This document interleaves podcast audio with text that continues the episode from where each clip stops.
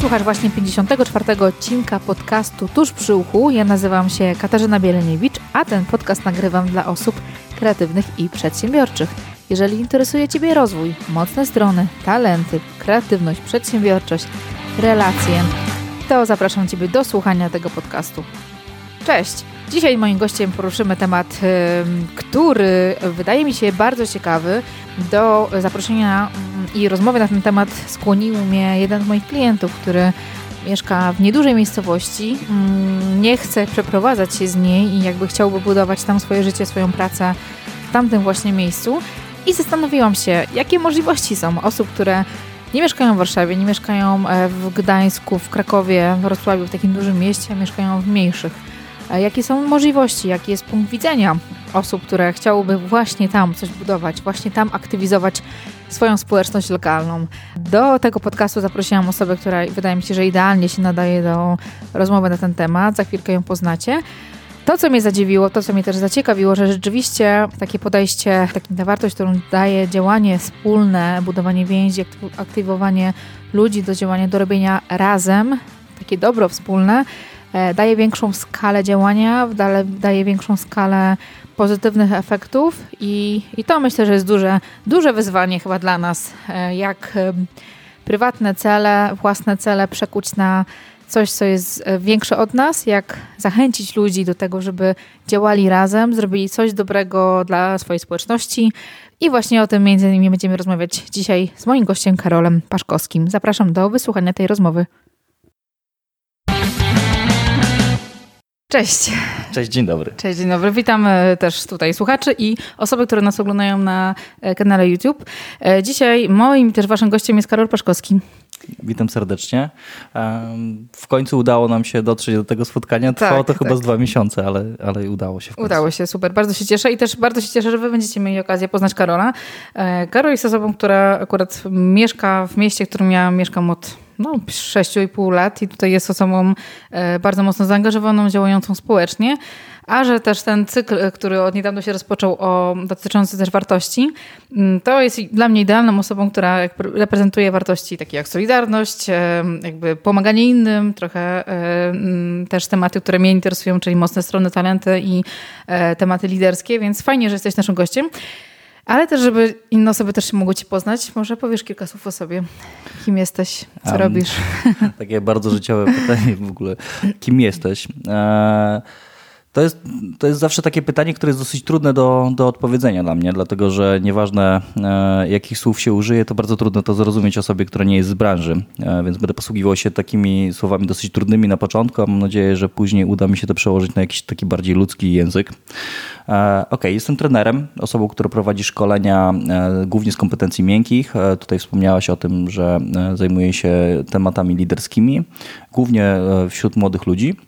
Zajmuję się też uczeniem innych, jak pracować z innymi ludźmi, czyli, czyli wszystkie kompetencje miękkie, e, komunikacja, zarządzanie zespołem, też animacja społeczna, wszystkie kompetencje liderskie. To jest coś, co mnie bardzo interesuje. Trochę wykorzystuję narzędzia coachingowe, czyli rzeczy związane z e, pracą nad celami. E, to również wykorzystuję podczas szkoleń.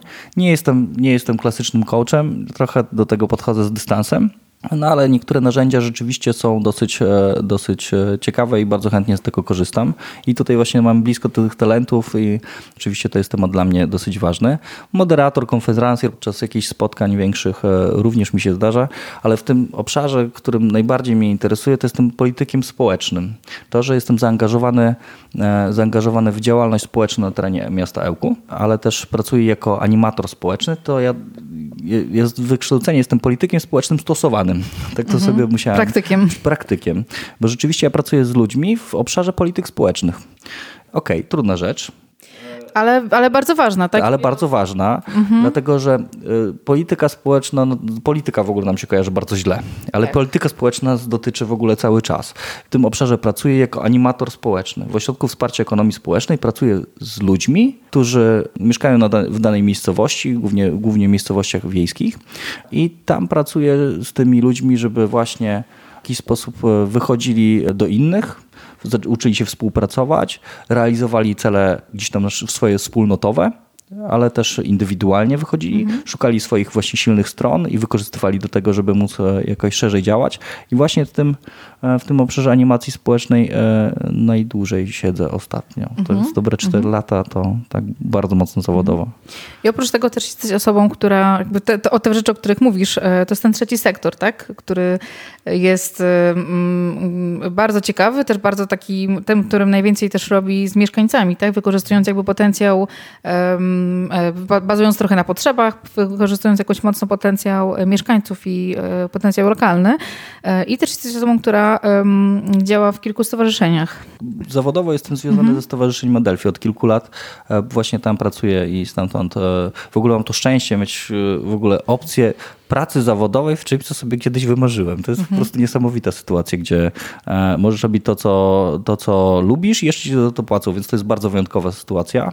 Nie wiem, jak to powiedzieć. Złapałem Pana Boga za nogi, ale rzeczywiście wypracowałem sobie, mam takie wrażenie, wypracowałem mhm. sobie to miejsce, w którym e, jestem i rzeczywiście mam to szczęście. E, mhm. Szczęście i, i wytrwałość, żeby do tego miejsca dojść. Z drugiej strony jestem ze Stowarzyszeniem Stopa związany od 2009 e, roku, czy 2008 roku, już bardzo dawno. No i tam zajmuję się, zajmuję, zajmuję się różnymi rzeczami, zajmowałem się różnymi rzeczami, no ale ostatnio to były tematy związane z wspieraniem młodych ludzi, e, głównie poprzez program stypendialny przekażdali, ale też wspieraniem grup nieformalnych. Cały czas gdzieś w tym obszarze jakby wspierania aktywności społecznej, obywatelskiej, ale, e, ale, ale też takich indywidualnych osób, które chcą coś zmienić. Mhm. To, to jest cały czas gdzieś w tym obszarze, również w Stowarzyszeniu Stopa moim zainteresowaniu. Tak? Mhm. Wspomniałaś o tym, że, że e, pracuję w trzecim sektorze, czyli w sektorze społecznym. Tak. Tutaj warto by było Państwu trochę przedstawić, jak trochę świat jest skonstruowany, bo mhm. rzeczywiście bardzo mało ludzi rozumie tą mhm. sytuację, w której ja pracuję, bo ja pracuję mhm. w sektorze społecznym, w tym czyli trzecim mamy, sektorze. Czyli tak patrząc od góry, mamy miasto tobie, tak? Mamy mhm. miasto, które funkcjonuje, na przykład Warszawę. Jest, e, są władze, które e, z automatu zapewniają pewne świadczenia, mhm. różne rzeczy. A, a sektor społeczny, ten trzeci sektor? Właśnie są te trzy sektory. Sektor mhm. taki e, powiedzmy samorządowy i rządowy to jest mhm. jeden, czyli administracja. To tak. wiadomo skąd oni biorą pieniądze. Biorą pieniądze z podatków, jakoś się mhm. z tego utrzymują, e, no i dostarczają nam jakieś, do, e, jakieś dobra i usługi.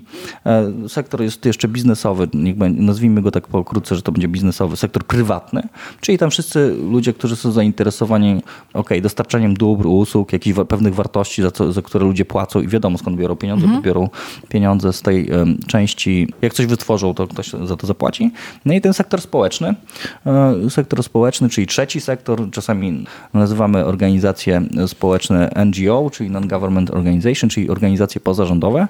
E, I ten trzeci sektor właśnie jest takim sektorem dosyć specyficznym. Ja w ogóle w tym miejscu jestem w dosyć dziwnym miejscu, bo ja pracuję w trzecim sektorze, ale który też jest związany z ekonomią społeczną, więc to jest, e, to już jest w ogóle pomieszanie z powotaniem, który głównie głównie funkcjonuje na takiej zasadzie, że to rząd bądź e, inne jednostki administracyjne decyduje o tym, że warto było zainwestować w jakieś rzeczy społeczne albo rozwiązać kwestie społeczne i wtedy e, w to miejsce trafiają pieniądze. Często biznes wspiera takie kampanie społeczne czy też działania społeczne i rzeczywiście e, stąd płyną pieniądze. A, a jeszcze, a, a, ja jestem jeszcze w tym sektorze, który zajmuje się ekonomią społeczną. To już w ogóle awangarda. Do tego jeszcze wrócimy, do tej ekonomii. To już w ogóle mhm. awangarda mhm. wśród E, organizacji społecznych. No i rzeczywiście tak to mniej więcej wygląda, czyli trzy sektory, mhm. administracja, e, e, sektor prywatny, no i ten sektor społeczny pozarządowy.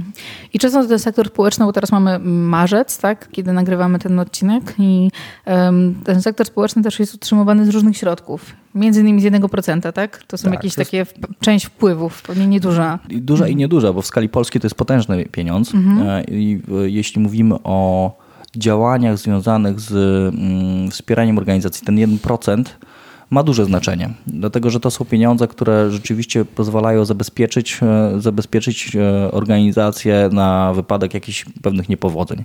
Sektor publiczny wiadomo skąd bierze pieniądze, więc wiemy, że zawsze sobie mhm. poradzi. Sektor e, ten prywatny, biznesowy wiadomo, że wypracowuje nadwyżkę i z tego może dołożyć do różnych inwestycyjnych rzeczy albo do tego, żeby im zainwestować w jakieś rzeczy, które spowodują, że będą bardziej skuteczni. No a sektor pozarządowy, jak żyje z grantów głównie, no to raczej, raczej nie ma możliwości takich rozwojowych. Więc to jest 1% jest taką szansą dla wielu organizacji, żeby się rozwijać albo żeby zabezpieczyć sobie tyły, żeby, ten, żeby być bezpiecznym od e, chimerycznych zachowań władz albo od grantozy. To jest bardzo poważny, poważna rzecz. No w, Polsce, w Polsce 1% był wymyślony po to, żeby ten sektor społeczny wzmocnić. Jak wchodziła ustawa o działalności pożytku publicznego i wolontariacie, to e, wszyscy marzyli o tym, żeby ten sektor społeczny był wzmocniony, no ale niestety e, wyszło jak wyszło. Zamiast wspierać działania wspólnotowe, przeszło to niestety wspieranie indywidualnych osób. Hmm. Więc prywatyzujemy pieniądze z podatków, no to jest trochę słaby kierunek. My działamy akurat w tej branży, która już w ogóle jest bardzo enigmatycznie nazwana, bo my staramy się e, działać na rzecz e, jakby takiej otwartości ludzi, współpracy, tego, żeby, żeby ludzie brali w swoje ręce los i realizowali wspólnotowe potrzeby. Hmm nieindywidualne. I mhm. dlatego też ten 1% jest bardzo znaczący, jest trudny e, do pozyskania, bo konkurujemy tutaj z e, osobami, które mają dużą łatwość powiedzenia OK, jestem chory, potrzebuję pieniędzy, ok, moje dziecko jest chore, albo mój, e, jakby tam osoba jest chora, więc w tą, w tą stronę poszły te pieniądze. Na pewno nie jest to wzmacniające organizacji jako sektor pozarządowy. Mhm. Jakby to wypaczyło nam się troszeczkę w, w ciągu lat, ale długa historia. Okej, okay. E, to mamy tak, mamy, mm, wiemy trochę o tobie, więcej o twojej działalności tak szerzej, mocniej. Tym, tym, co skłoniło mnie trochę do zaproszenia ciebie, był, był mój klient, którego miałam, który pochodzi z Podkarpacia. Jako cała rodzina wrócili z Anglii do Polski, e, wybudowali sobie dom. On ma trochę większe, większe motywacje, więcej by chciał niż jego koledzy, którzy pracują w jednej firmie ileś tam lat. E, ma dzieci, nie chce się wyprowadzać z tamtego miejsca i chce lokalnie coś fajnego, szukał fajnej pracy lokalnie. I mówi, że jest bardzo mało, ma możliwości dostępu do pracy, e, ma motywację, widzi, widzi, że chciałby trochę robić więcej. I to, co powiedziałeś, te słowo, chcą robić więcej, chcą coś zmieniać. I dlatego też jakby ten tematem, który mnie szczególnie to interesuje, e, jest nie społeczność dużych miast, tak? Warszawa, Kraków, Wrocław, tylko właśnie te społeczności, które są, mają mniejsze miasta, wiejskie, te, które, te, z którymi głównie pracujesz, tak? I ta społeczność jest trochę inna, troszeczkę jest inna, bo ma mniejszy dostęp do, do różnych e, opcji, też mniejszy dostęp do większych zarobków i też trochę to inaczej wygląda. Jestem bardzo ciekawa, co jest dla Ciebie istotne jakby w pracy z, z tą społecznością wiejską, miast, mało miasteczkową, nie, czy tak można powiedzieć, i pracą z osobami z mniejszych miejscowości. To, co, to, co wspomniałeś, mm. rzeczywiście ma bardzo duże znaczenie, bo rzeczywiście ludzie, którzy żyją w mniejszych miastach, mają zupełnie inne warunki. I tutaj musimy trochę oddzielić te dwie rzeczy. Zastanawiam się, żeby to łatwo zrozumieć. Osoby żyjące w dużych miastach od zawsze nie rozumieją różnicy pomiędzy tym, między małym miastem a dużym miastem, a jeszcze małą miejscowością. Nawet osoby mieszkające w Ełku też nie dostrzegają różnicy pomiędzy tym, e, że żyją w mieście, a 15 km od Ełku jest to duża różnica. Ja pracuję głównie w miejscowościach, które rzeczywiście są daleko od szosy. Bo tam, żeby dotrzeć, trzeba dojechać samochodem. Wydaje się, że to nie jest jakiś duży problem, ale jak masz te kilka, kilkanaście lat, jesteś młodym człowiekiem, e, to rzeczywiście do, dotrzeć do takich dóbr kultury, do tego, żeby w czymś uczestniczyć, jest bardzo znaczący. Trzeba się postarać też tak. bardziej. Mhm. Ja, ja, cały czas uważam, że ci ludzie, którzy się rodzą, e, się rodzą w dużym mieście, czy w małym mieście, czy na wsi, oni generalnie co do zasady są tacy sami, nie? Mhm. Mhm.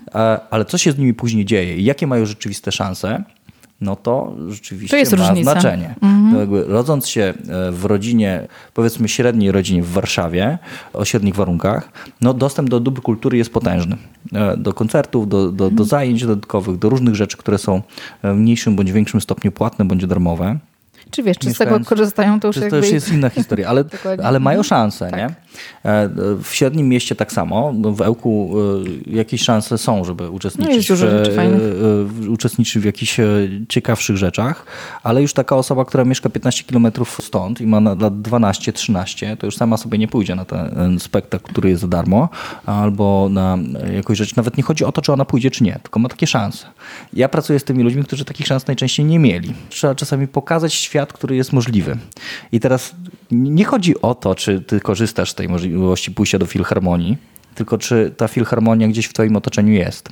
Więc taka jest to duża, duża różnica. Potrzeby są takie same ludzi, mm -hmm. rodzą się w takich samych, jakby mają dwie, ręczki, dwie rączki, dwie nóżki, jedną główkę z reguły. Mm -hmm. Wiadomo, że są różne przypadki, ale co do zasady e, mamy podobnie się rodzimy, ale szanse mamy bardzo różne. Nawet to, jak e, ile bodźców otrzymuje osoba w wieku dziecięcym, idąc w Warszawie po ulicy, ilość kolorów, które widzi, ilość reklam, które może przeczytać, ilość rzeczy, które się wydarzają, jakby to jest stymulowanie. I różnorodność ludzi tak, też, nie? I różnorodność ludzi. I tutaj jakby ilość stymulantów, które otrzymuje dzieciak z Warszawy, ilość stymulantów, które otrzymuje dzieciak z małej wsi pod, na Podkarpaciu jest różna. Mhm. Ja nie wartościuję, co jest lepsze czy mhm. gorsze, tylko pokazuję, że jest, jest duża różnica. No i rzeczywiście te szanse są też bardzo różne. No i w mojej pracy też jest pokazywanie takiego, jak powiedziałem o tej animacji społecznej, jak, jak ja też swoją pracę rozumiem. Przez wiele e, lat na pytanie, czym się zajmujesz, miałem problem, żeby, żeby to w jakiś sposób odpowiedzieć i rzeczywiście w którymś momencie uknąłem nawet sobie taki, taką myśl, że może mhm. regułkę sobie w końcu mhm. powinienem zrobić. E, I animację społeczną nawet sobie to odczytam, żeby było, e, żeby było to dokładnie tak, jak sobie w końcu wymyśliłem. na, na odpowiedź, no to animacja społeczna to proces przywracania wiary w ludziom. E, e, budowania więzi między nimi, łamania stereotypów, dawania nadziei na zmianę na lepsze i konsekwentnie e, budowanie jej przez samych członków społeczności.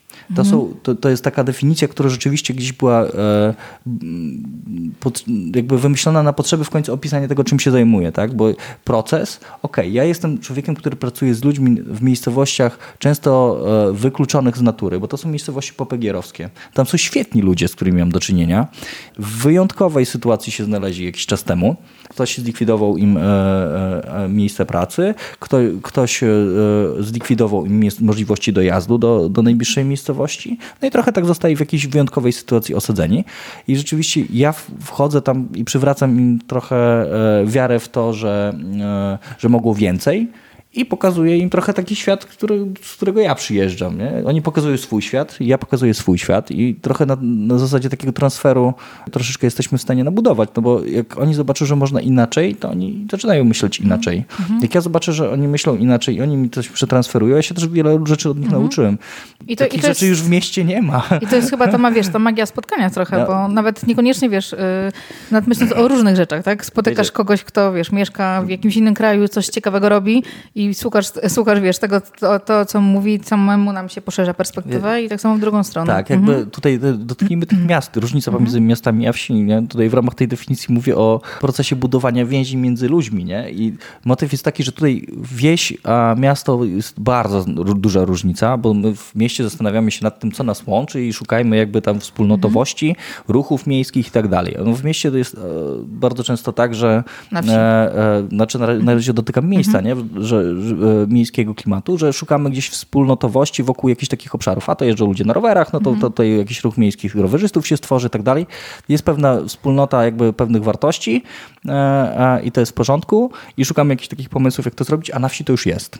Wspólnota najczęściej miejsca, bo oni żyją na bardzo ograniczonym obszarze, E, mają ograniczone możliwości, e, no i bardzo dużo punktów styku, nie? E, I te więzi mogą być oczywiście takie milsze bądź mniej milsze, ale one się gdzieś tam tworzą.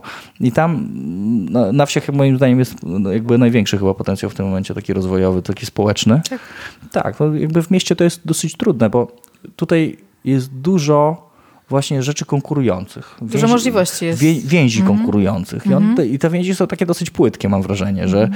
okej, okay, tutaj idę na koło teatralne, spotykam się przez półtorej godziny e, dwa razy w tygodniu, no i okej, okay, w tym koło teatralnym nabieram jakieś tam znajomości, ale e, obok tego mam inną grupę rówieśniczą, e, inną grupę, w której funkcjonuje na przykład, nie wiem, e, nie wiem, jakichś e, osób, muzyków, tak? A, a, jeszcze w innym miejscu jeszcze kogoś innego. Czyli w, w, dużych miastach to są takie relacje dosyć krótkotrwałe, tak? Jakby spotykamy się, rozchodzimy, rozchodzimy, to jest takie, e, skrzykujemy się na coś i coś zrobiliśmy i się rozchodzimy, a na wsiach to jest tak, że jak już się skrzykujemy, to bardziej trwale, nie? Mhm. To, to jest taka moja obserwacja. Bo jest mniejsza liczba też osób jest, nie? I też jest są mniejsza możliwość, jest, tak? Dokładnie. I, i mhm. też się bardzo często mówi o tym, że te kompetencje społeczne, na których pracujemy, w miastach e, mają ludzie możliwość bardzo dużej ilości możliwości stykania się z innymi grupami. I teraz to, co powiedziałem, że to jest e, takie fajne na wsiach, że oni są bardziej skrzyknięci, ale też mają mniejsze możliwości sprawdzania się w różnych rolach. Jestem w mieście, mam 15 grup, w których mogę funkcjonować. W, w, którym w jednym miejscu jestem osobą, która tam ciągnie, bo ma swój pomysł, jest liderem, bo w takiej konfiguracji się znalazł. W drugim miejscu jestem kozłem ofiarnym, bo tak wyszło. Tak? I ktoś tam mnie gnębi. W trzecim miejscu jestem osobą, która nie wiem, po prostu jest zwykłym wykonawcą czyichś poleceń i po prostu funkcjonujemy w tych masie grup.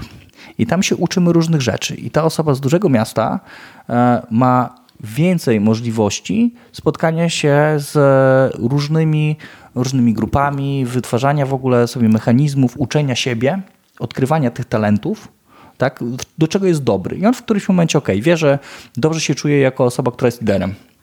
No na wsi niestety takich grup mamy niewiele.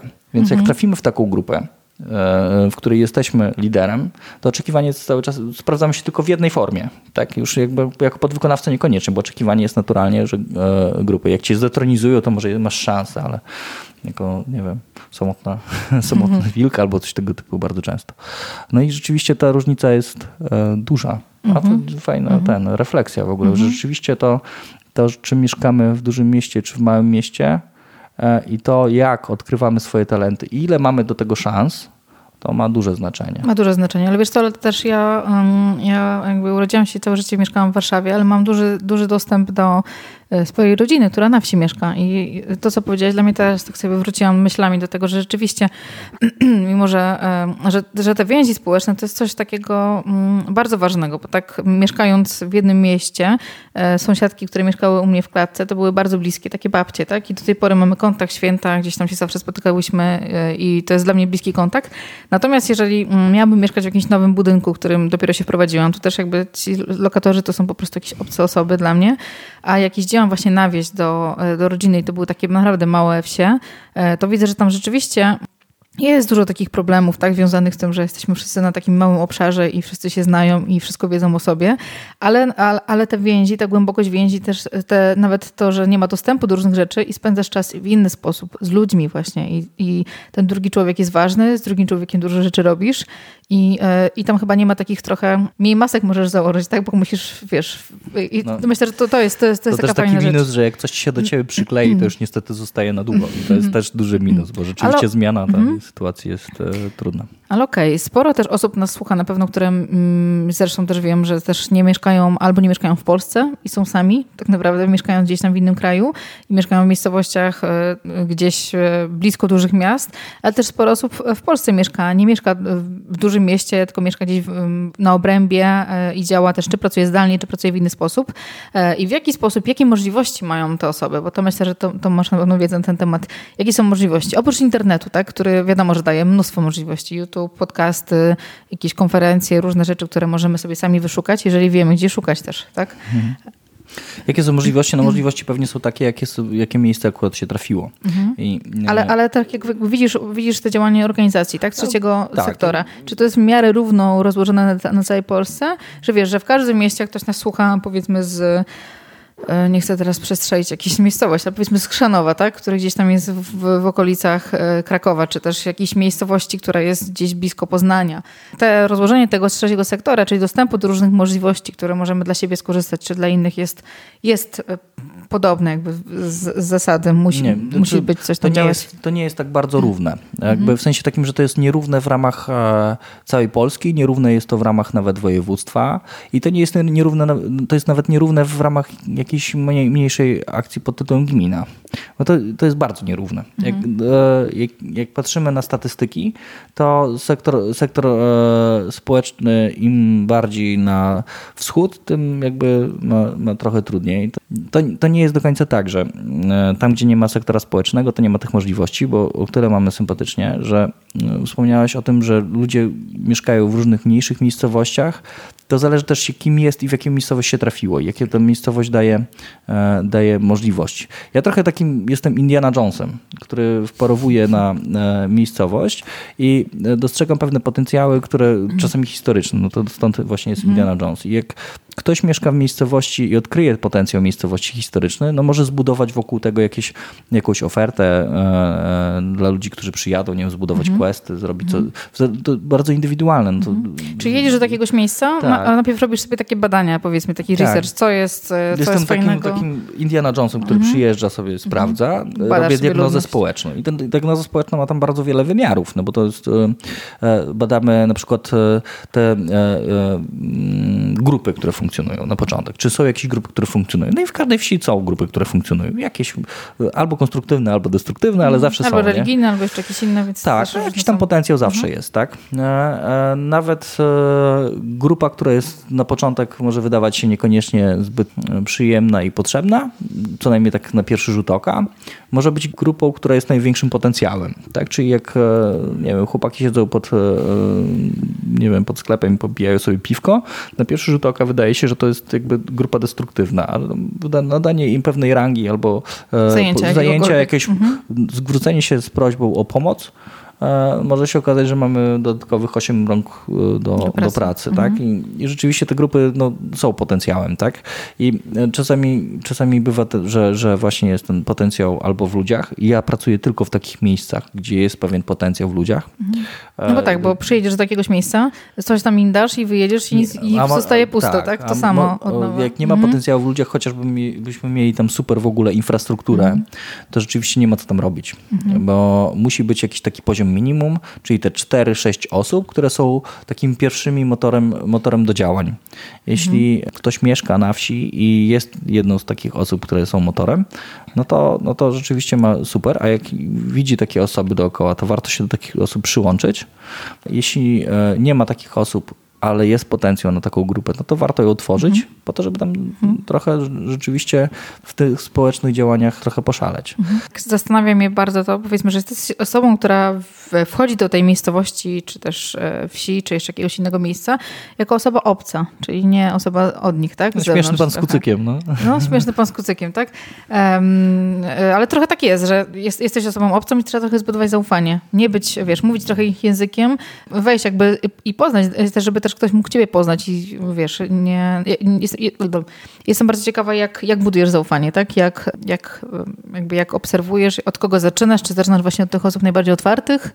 To nie jest takie łatwe w sumie wejść do, pewnie to robisz intuicyjnie, ale jestem ciekawa, Właśnie jak to jest, jest takie, ja się tak za, cały czas zastanawiam, na czym polega moja praca. Przecież ja nie, w ogóle, jak ja to robię, że, że pracuję z ludźmi, nie, e, wchodzę do środowiska i pracuję z nimi. Przecież to wydaje się, to jest mega trudne do wytłumaczenia, bardzo i też nie, nie wiem, czy takie proste do zrobienia, ale... No, wydaje mi się, że nie, wiesz, bo wchodzisz, jesteś tak patrząc z boku, nie? Jesteś osobą obcą, e, która też ja się zastanawiam w ogóle, mhm. co, każdy ma swoje jakieś tam narzędzia, bo to jest, jak miałbym to wytłumaczyć, to po prostu bywam. Przykład miejscowości, e, w której pracowałem, to jest Połom, gdzie żeby rzeczywiście ludzie chcieli ze mną w ogóle porozmawiać, a taka fajna ekipa tam jest naprawdę, zbierają pieniądze na e, przystań, które zbudują samodzielnie, więc tam zapraszamy do, do dorzucenia się. Mam nadzieję, że jeszcze będzie zbiórka na zrzutka.pl.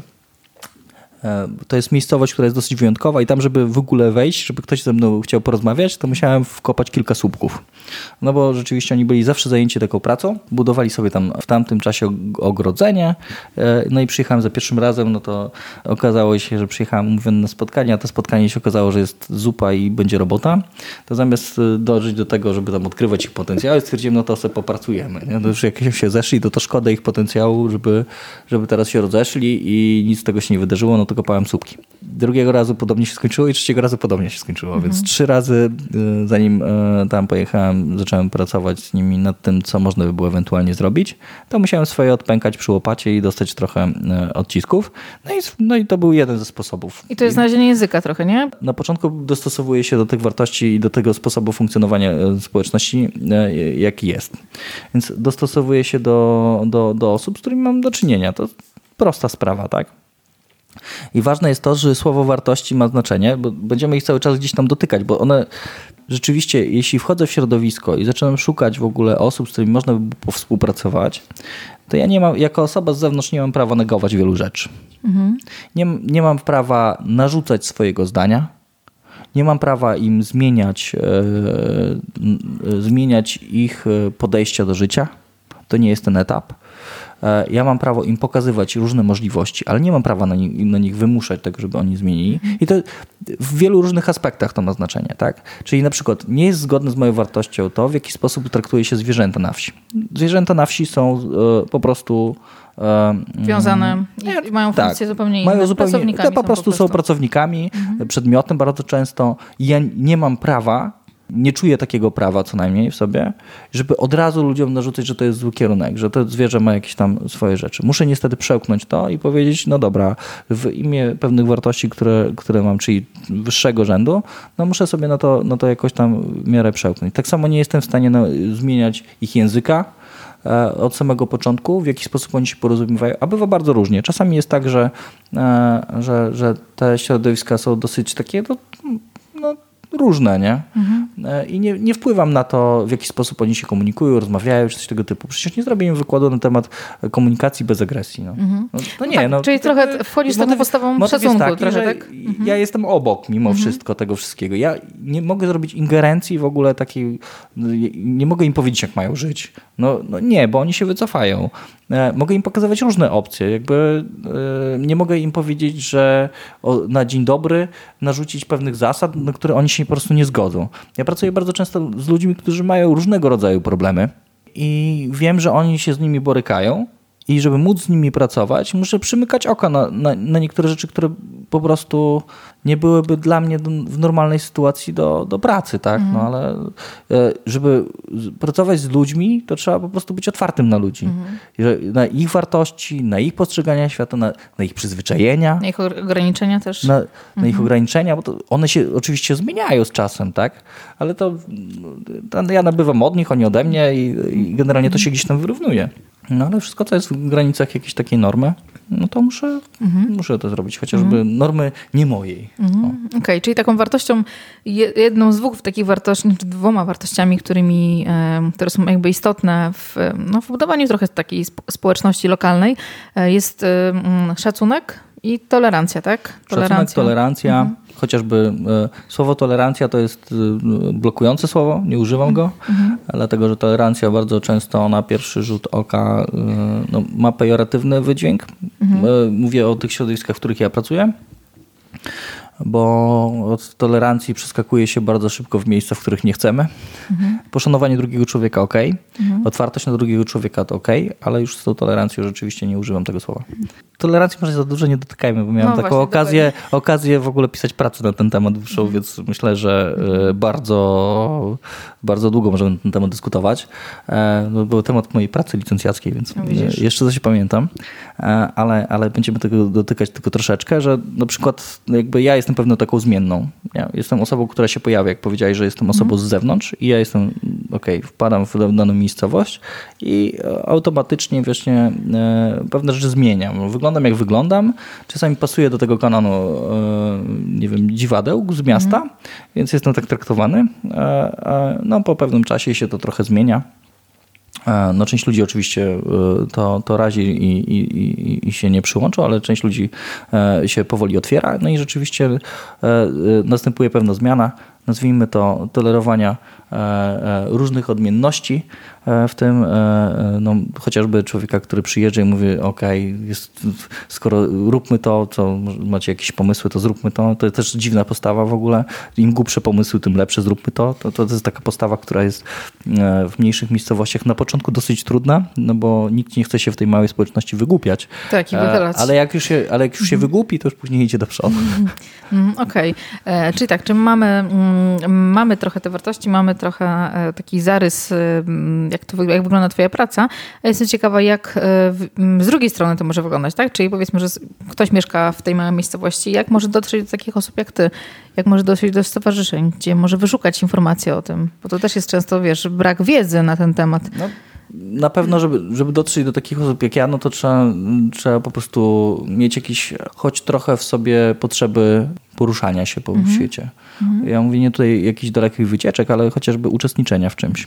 Bo urzędy pracy są w większości miast, nie? W sensie urzędy takie rzeczy są urzędowe. W powiatach, tak, i one sobie gdzieś tam funkcjonują. E, Przez urzędy pracy bardzo rzadko docieramy do, do, do osób. Czy to nie jest ten, nie ta E, droga? Urząd znaczy- miasta? Znaczy, jak, jak tak się zastanawiam na tym, w jaki sposób ja docieram do ludzi, Mhm. to to przede wszystkim e, urzędy gminy, urzędy miasta. E, To są miejsca, gdzie ludzie, którzy na przykład urząd gminy, to gdzieś, gdzieś ktoś jest sołtysem, no to się udaje jakoś tam dotrzeć. Do tego, że bywa na tych spotkaniach, my bywamy na tych spotkaniach, więc oni, e, e, oni tam do nas trafiają. Czasami mamy jakieś spotkanie, na którym opowiadamy, co zrobimy. Czasami jest to po prostu przez polecenie. Najczęściej to jest tak, że a, bo ten śmieszny z kucykiem, to, e, to nazywa się Karol, tak? No i zadzwoń do Karola. No i tak mniej więcej wygląda. Że, Czyli gdzieś tam że- krążą że- plotki, że ktoś jest krążą taki- plot- plotki, że ktoś k- komuś czymś pomógł, bo ja działam na zasadzie takich, brzydko mówiąc, no, pryszczy. Czyli taki wyprysk, który się pojawia w danej, e, w danej gminie, który tam bardzo mocno jest widoczny, bo jak zaczyna coś się dziać, to widzimy, widać. że w tej wiosce wyskoczyło coś, coś się wydarzyło, no i czasami pojawia się w miejscowościach obok, nie wiem, element zazdrości może, że też by chcieli. Element Pozytywny. inspiracji. e, Element inspiracji, no to ten bardziej pozytywna część, że okej, oni mogą, to też my też może byśmy mogli. Bardzo dużymi uproszczeniami się pewnie komunikują na zasadzie ten pan, co pom- pom- pomagał jakiś tam projekt realizować, pan, który ma jakiś dostęp do pieniędzy, bo to jest naj, najprostszy przekaz na początku, gdzie ja nie mam pieniędzy. To ludzie generują pieniądze, tak naprawdę. Ja im tylko i wyłącznie pomagam. No ale rzeczywiście to gdzieś się tam rozchodzi po, po miejscowościach okolicznych. No i tam mniej więcej tak to wygląda, że docieramy na zasadzie, zasadzie poleceń. A osoby się do nas. Robimy też spotkania otwarte, czyli w danej miejscowości robimy jakieś wydarzenie, na które zapraszamy wszystkich. I po prostu ludzie się trafiają. Jak już się trafiają, to mamy możliwość porozmawiania. Jak porozmawiamy, no to ktoś nas zaprosi, przyjdźmy, spotkajmy się. No i, no i się wysiada z samochodu i się spotyka z ludźmi. nie? Bardzo często też jest tak, że na, na, na początkowym etapie, jak zaczynałem, to było tak, że jeździłem po miejscowościach i robiłem taki ogląd. No dobra, tu jest kawałek kościoła, dobrze, tu jest kawałek takiego miejsca, tu siedzą ludzie. No i, Co się dzieje, i, gdzie i, mniej I więcej? wysiadam z samochodu. I jak wysiadam z samochodu, to mniej więcej już jest połowa decyzji, że tu będę pracował. Bo jak nie wysiadam z samochodu, no to jeszcze niczego nie zobaczyłem. Bo tych miejscowości, w których można pracować jest po prostu masa. No i to w ramach takich objazdów często docieram do ludzi. Znaczy, A ludzie są otwarci na to? Bo tak się zastanawiam, wiesz, to pod kątem, myśląc o takich e, miejscowościach, gdzie każdy mieszka w domku, tak? Czyli jest, No miejscowości, E, które mają domki, no to są trudne miejscowości. mm, wiesz, bo tak sobie myślę, że to jest taki mm, mój dom, moje ogrodzenie, ja tutaj jestem i wyciągnąć ludzi z domu, tak? Z, z takich miejsc, to myślę, że też jest jakieś duże wyzwanie. Mhm. Jakby motyw jest taki, że ja szukam miejsc, które mają pewną wspólnotowość albo bo- przestrzeni. Siedliska kultury, tak. jakieś takie ala, coś Siedliska kultury, ewentualnie różne rzeczy mają. Nie? Jakby dla mnie y, najwygodniejsze, tam gdzie są na przykład bloki, jest dużo łatwiej, bo oni mają chociażby wspólną klatkę, Tak. wspólne podwórko. E, Mówimy o miejscowościach wiejskich, bo, bo miasto to może byśmy rozkminiali inaczej, ale e, miejscowości wiejskie, tam gdzie są bloki, jest troszeczkę łatwiej, bo oni to jest duże skupisko. Oni mają coś tam wspólnego, chociażby ten kawałek trawnika, no i tych dzieci jest tam więcej e, ewentualnie e, i można, można by było popracować z nimi, bo to jest e, coś, co jest łatwiejsze. No z miejscowościami, które są rozsiane po domkach i każdy ma swoje obejście, no to jest troszeczkę trudniej, ale zawsze jest też coś, co może być interesujące i łączące, no to nie wiem, jest jakiś kawałek świetlicy, który jest, które gdzieś tam dbają, Albo kultura właśnie jest taką rzeczą, która łączy, bo muszą się spotkać y, od czasu do czasu, żeby pośpiewać chociażby. Jest też, e, no sport może być łączący mimo wszystko, chociaż to głównie rywalizacja, ale, ale taki sport niezawodowy może być łączący. No dużo, dużo rzeczy może być. No, te miejscowości, które mają własne obejścia, domki są troszeczkę trudniejsze, ale to jest też pytanie, jak daleko są od centrum e, wszechświata, od, czyli od y, tego małego, e, czyli miasta. Im bliżej miasta, tym trudniej. Bo na przykład jak mamy przypadek e, dużych miast, nazywamy to, nazwijmy to miastami iglicowymi, czyli tutaj jest centrum życia ludzi, e, bo oni tutaj korzystają z kultury, tutaj korzystają ze sztuki, tutaj chodzą do dentysty, wszystko tutaj się dzieje. Więc jak oni żyją tutaj e, w mieście, no to jest trudno pracować na wsi. Mówimy tutaj o... o, o Tam po prostu wracają spać, tak? Naprawdę. tak, wracają spać. I im większe miasto, tym jakby dalej to się ta granica rozciąga. Nie? Bo mamy Warszawę, pewnie 30 km od Warszawy jest tak samo trudno pracować jak 5 km od e, Może po Ełku, prostu nie? nie ma potrzeby takiej pracy tam, aż takiej. No po prostu, no, bo ludzie mają zerwane więzi właśnie, to o czym mówimy, tak? Bo jeśli oni pracują przez 8 godzin, normalny człowiek pracuje powiedzmy, że przez 8 godzin, może czasami więcej, e, no to 8 godzin jest w e, Ełku, dodatkowo dorzucić mu e, godzinę e, na dojazdy to jest 9. Dziecko, które trzeba odrzucić do szkoły no, na jakieś dodatkowe zajęcia, no to ile mu tam zostaje w ogóle w tamtej wsi? No jak wrócić zjeść i Wrócić zjeść, a na festyn to i tak pojedzie do Ełku. Mhm. Tak, czy na jakieś wydarzenie, mhm. które jest dla dzieciaków i tak pojedzie do Ełku w weekend. Więc im bliżej miasta, tym trudniej. Im bardziej rozproszona ludność, tym trudniej pracować, bo rzeczywiście nie mają tej wspólnotowości, chociażby ta droga wspólna by się przydała, czy kawałek placu, który ich łączy. Mhm. Czy szkoła, to też jest rzecz, która pomaga. Mhm. Mówiłeś, że pracujesz z liderami Jak, i ten lider jest taką kluczową rzeczą, którą jakby zostaje później w tej społeczności i ona jest osobą, mm, która tam podtrzymuje tą iskrę całą. Jakie są jakie strategie na pracę z liderem? Jak go wzmacniać, jak go też wyłuskać, kto jest tym liderem, co takiego robicie? No to jest dosyć proste. Mimo wszystko dosyć proste, bo to mm. widać. Kto najwięcej mówi, tak? Nie, kto się najwięcej angażuje, kto najwięcej mówi? A, tam, kto dużo mówi, a mało robi, to też widać. bo bardzo często jest lider, lider mówienia. Lider mówienia to takie osoby, które mnie nie interesują w e, dłuższej perspektywie i jak osoba mówi mi e, same dobre rzeczy, które chcę usłyszeć i że damy radę i w ogóle, to z nimi nie będziemy pracować prawdopodobnie. No taka jest e, niestety trudna prawda, że rzeczywiście osoby, które przedstawiają mi wizję wielkich zmian, no to są najczęściej osoby, które nie włączają się mm. w takie działanie. A widzisz, ale zobacz, no, to teraz słyszę, mi tutaj się włącza moje, moje skupienie, że z jednej strony taka osoba też jest potrzebna, wiesz, z, wiz, z wizjami, nie? I też każdy ma swoje funkcje. Ktoś woli, jakby, wiesz, pracować, ktoś woli coś jeszcze innego robić, nie? Jakby ja cały mhm. czas uważam, że wizjonerstwo jest bardzo w porządku. E, moja metoda jest dosyć prosta. Słucham, czego ludzie chcą, i wybieram najmniejszą rzecz do zrobienia. Mhm. I, a lider? Tak. Jak się tworzy tutaj? No, w, poprzez działanie. Mhm. Ja pracuję indywidualnie i grupowo. Grupowo to są spotkania, gdzie rozmawiamy o tym, co warto by było zrobić i jak zrobić. I tam są różnego rodzaju pomysły, rozdzielanie zadań itd. Tak itd. Tak I pracuję też indywidualnie z liderami, którzy się pojawiają naturalnie podczas tego procesu. I jeśli ktoś bierze odpowiedzialność i bierze jej za dużo, no to dostaje ode mnie wsparcie pod tym hola hola, ale to nie jesteś tylko ty. Albo jak zagarnia przestrzeń, no to staram się z taką osobą pracować, żeby dawała przestrzeń do do dyskusji na spotkaniach. Więc rzeczywiście to jest tak, że czasami też pracuję z kilkoma liderami w danej miejscowości, ale jest zasada, którą bardzo mocno e, przestrzegam, to pierwszy bak paliwa. Sprawdzam.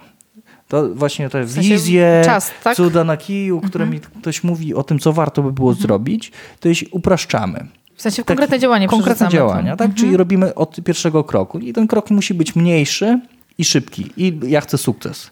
Ja szukam takiego, takiego pomysłu, tych masy jakichś chcieństw, które chcielibyśmy zrobić i one bardzo często są bardzo milionowe.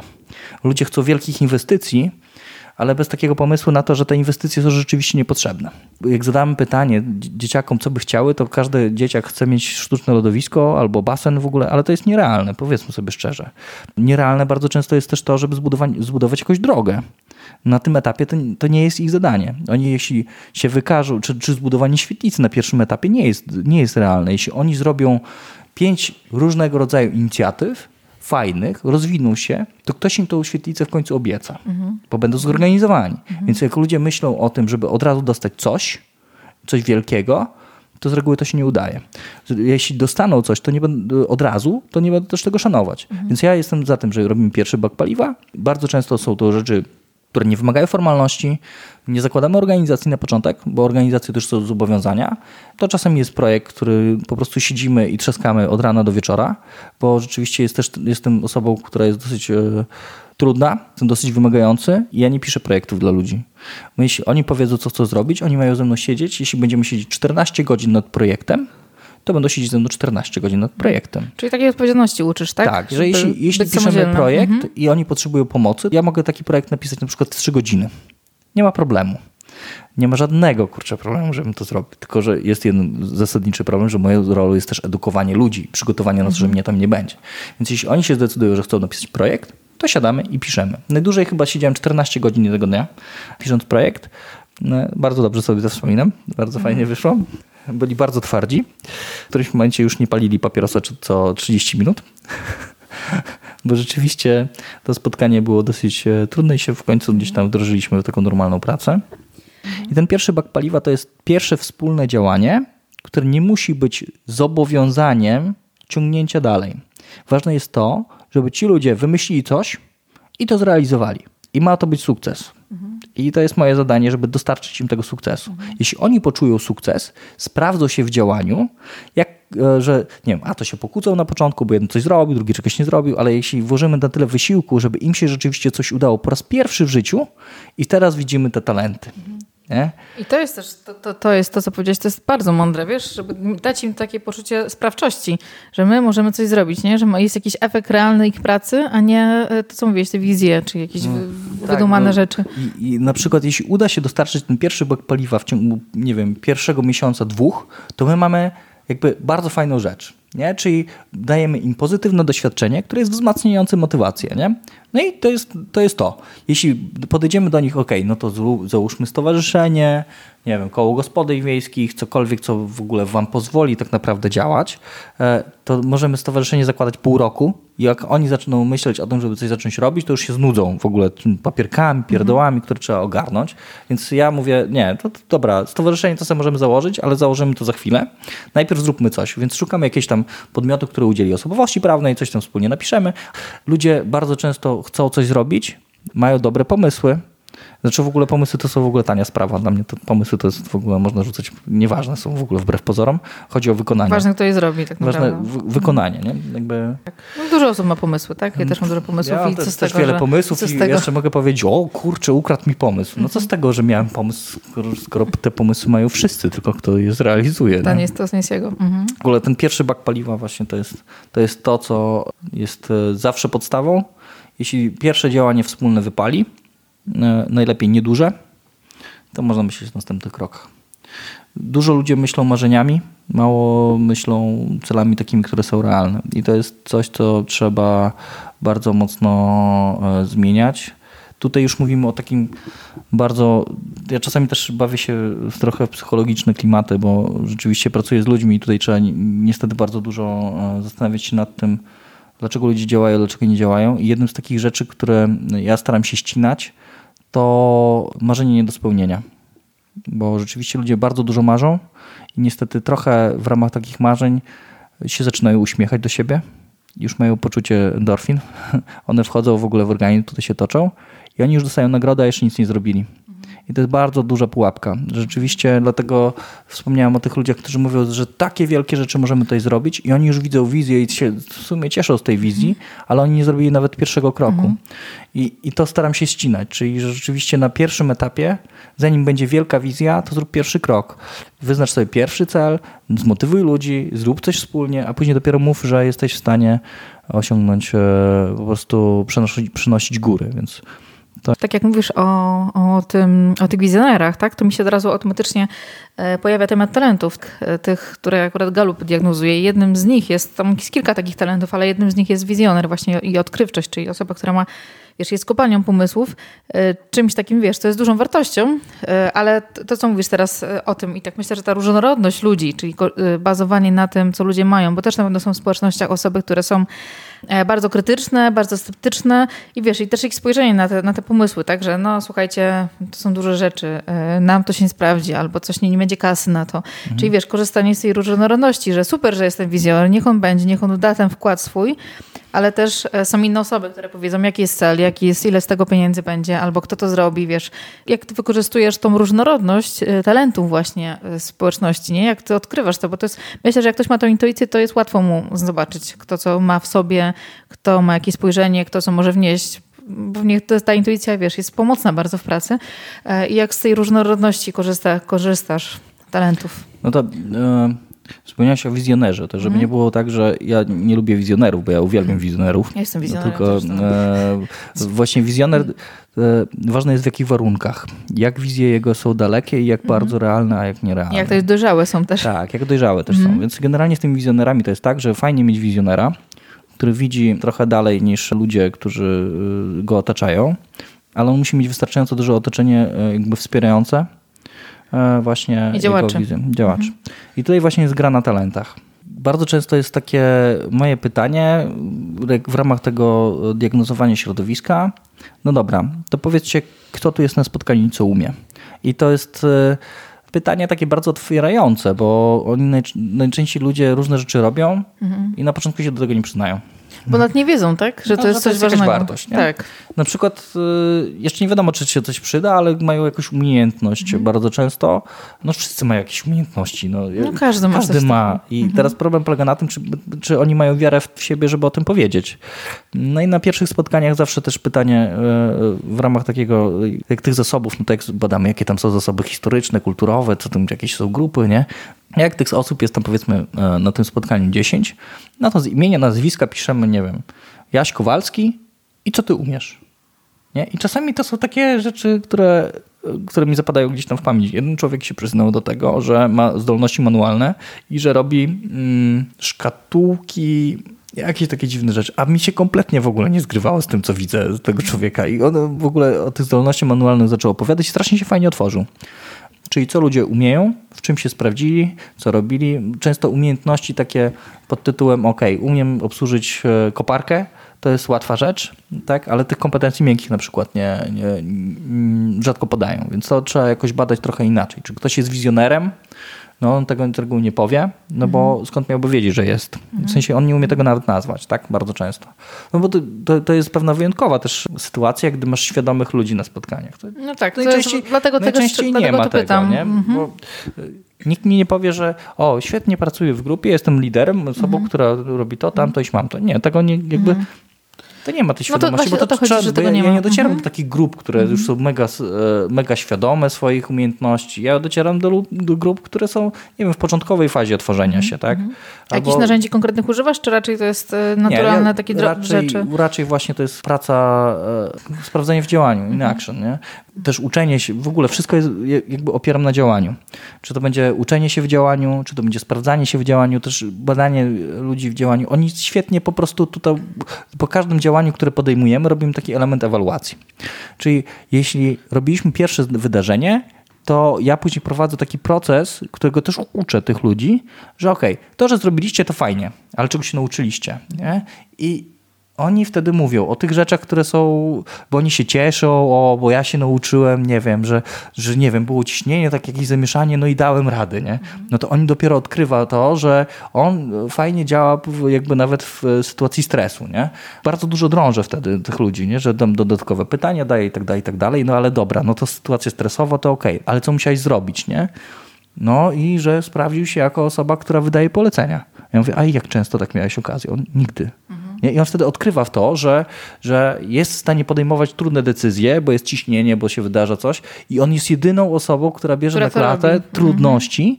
Nie wiem, bo wiatr się zerwał, coś się wydarzyło, było wydarzenie na zewnątrz i on zaczyna po prostu przejmować taką rolę bardzo e, e, mocnego lidera, dlatego że kogoś akurat w tym miejscu nie było, on był za Albo to dobrze sobie pod wpływem tak. stresu działa po Albo prostu. po Mhm. prostu jakoś tak wyszło, że świetnie w tym sobie jakoś tam radzi. I te talenty naprawdę ja nie badam tego żadnymi narzędziami, bo rz- rzeczywiście ludzie no, jakby nie wypełnią mi arku- arkuszy. To nie, nie, nie robię narzędzi takich testowych, tylko indywidualne rozmowy i tylko i wyłącznie praca w akcji i obserwacja. To są rzeczy, które, które naprawdę. I tutaj chyba taką, wydaje mi się, że też ważną rzeczą pewnie jest ta informacja zwrotna dla nich, że oni dostają w ogóle coś takiego, że słuchaj, robisz y, od innych i też pewnie, nie wiem, czy od innych też robicie... Raczej, e, raczej to jest od innych, nie ode mnie. Aha, Ja, okej. ja staram się, żeby oni dawali informację zwrotną od siebie nawzajem. Nie jestem osobą, która daje pierwszą. E, Jeśli potrzebuję, na przykład widzę, że ktoś ma potrzebę wzmocnienia, w sensie postawy, którą w ogóle udało mu się skoczyć na level wyżej i widzę, że ona jest jeszcze dosyć chwiejna, to ja wzmacniam tą postawę. I rzeczywiście ja motywuję ludzi do działania, mówiąc o tym, co robili świetnie. Raczej kończę pozytywnymi informacjami, ale jeśli coś jest do poprawy, tego nie pomijam. I, e, i to jest uczciwe bardzo w stosunku do tych ludzi i oni e, łatwo naładować ludzi pozornie.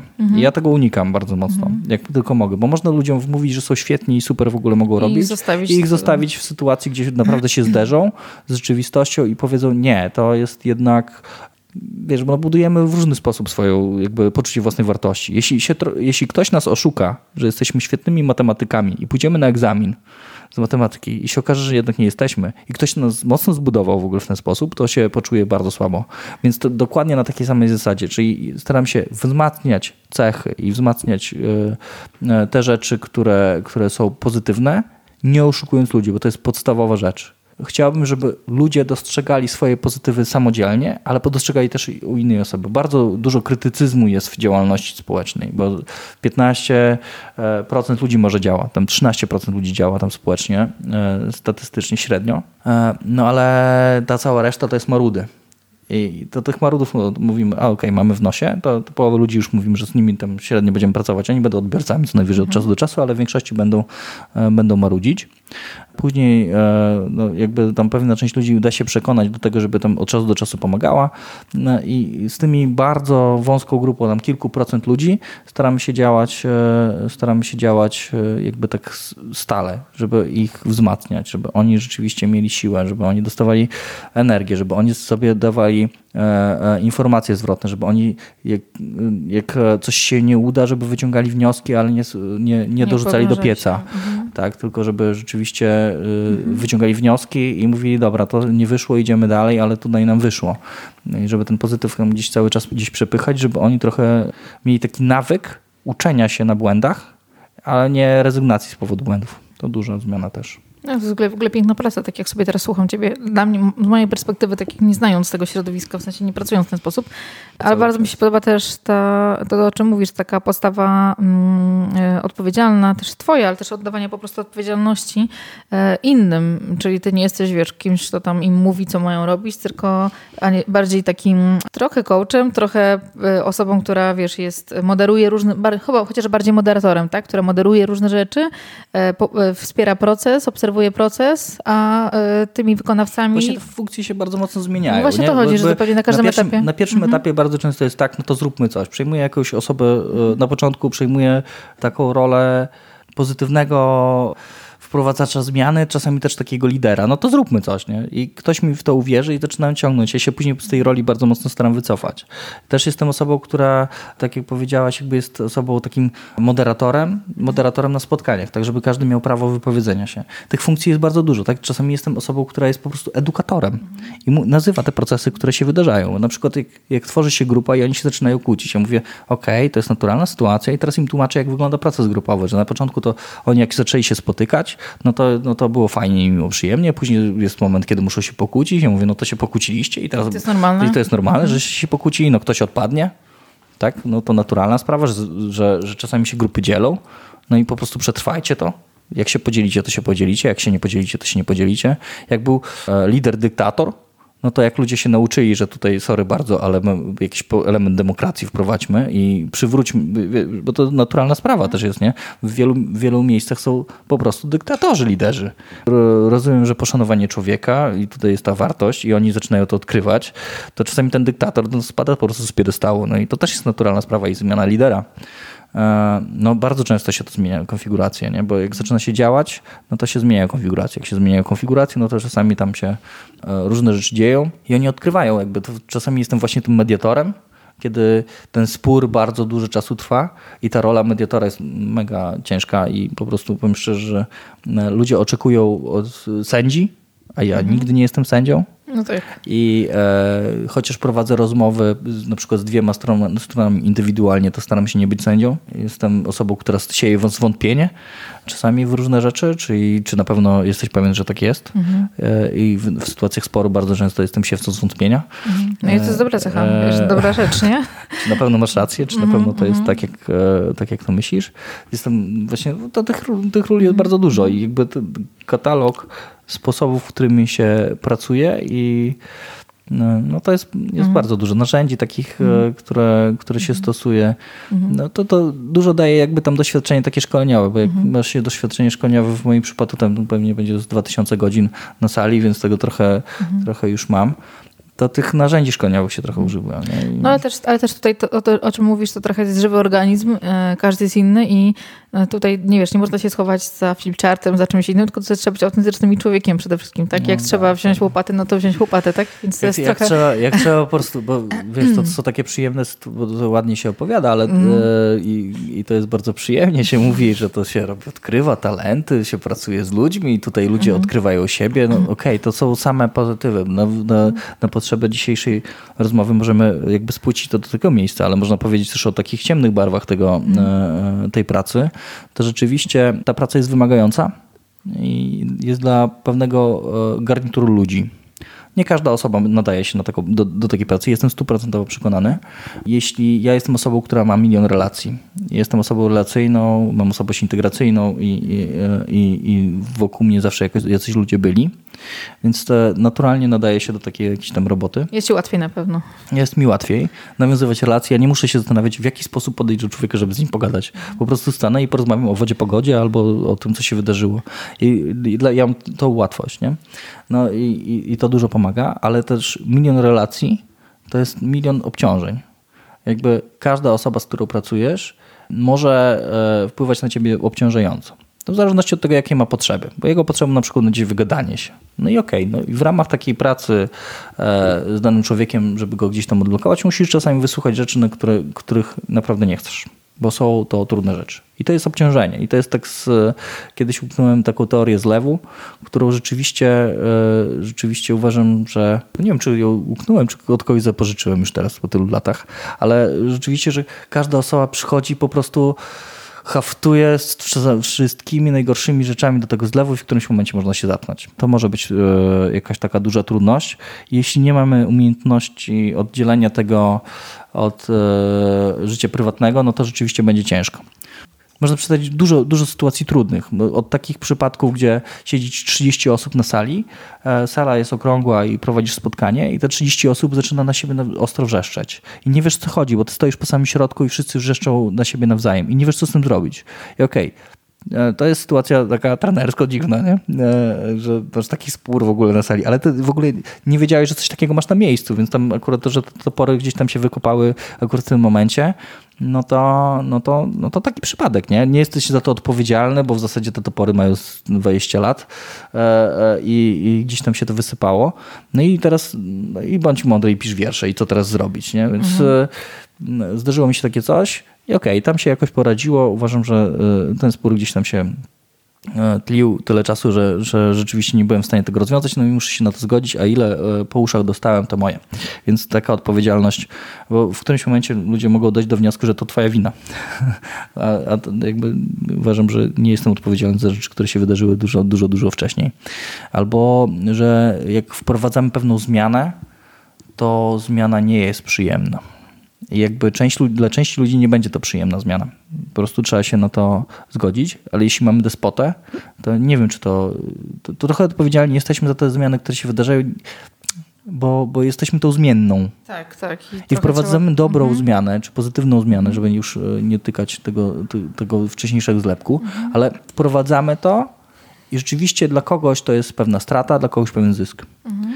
E, albo i, i na przykład to taką najtrudniejszą sytuacją w życiu, która mi się zdarzyła, to była sytuacja, w której e, emancypacja jednej z kobiet, taka drobna tak naprawdę, e, mało się, e, skończyła się tym, że człowiek wziął sznur i poszedł. I groził tym, że się powiesi. No, generalnie sytuacja jest taka, że zmieniliśmy pewną konfigurację, że kobieta dostała pewną podmiotowość, że może zacząć coś robić, że może wyjść z domu, że nie są to tylko i wyłącznie dzieci, pieluchy, mhm. E, trudności i obskakiwanie męża, który mhm. chleje, mhm.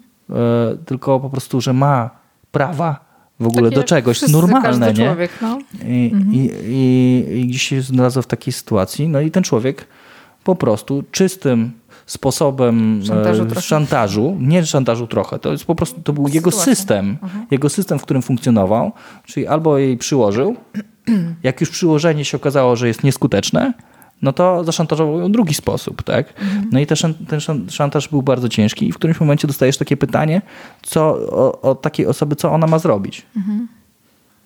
A kobieta, kobieta e, wybrnęła z tej sytuacji dosyć e, mądrze. E, nie będę tutaj wchodził w szczegóły, bo nie chciałbym mhm. jakby tam tego dotykać, ale rzeczywiście są też takie oczekiwania. Tak, takie zmiany się zdarzają. Mhm. Nie? Jak się mhm. pracuje w środowiskach różnych. E, Które mają zastane jakieś rzeczy, tak, ale, oczekiwania konkretne, tak, tak. stereotypy tak. też. No jak i, mówiłeś o kobiecie, tak? Tak, i tutaj no, to, to nie była też taka zmiana, która, która była e, z dnia na dzień, bo to rzeczywiście to tam przez kilka miesięcy trwała ta zmiana i e, kobieta się bardzo mocno otwierała i rzeczywiście miała potencjał na potężną zmianę. No i No i rzeczywiście tam się trochę to pozmieniało, no, ale nie było wszystkim po drodze. A jak mówisz o tych ciemnych stronach tak, tej pracy, to ja mogę takich ciemnych stron dużo powymyślać sama dla no. siebie, tak?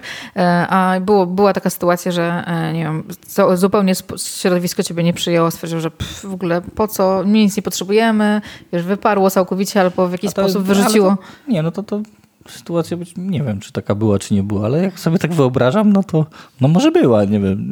To, to po prostu nie, nie, wyszło, nie? W sensie takim, że o tyle mam przyjemność yy, pracy dosyć stabilnie i mam akurat taką sytuację, że nigdy nie miałem problemów z tym, żeby znaleźć środowiska do pracy. A raczej Sam nie wybierasz tyle... się raczej.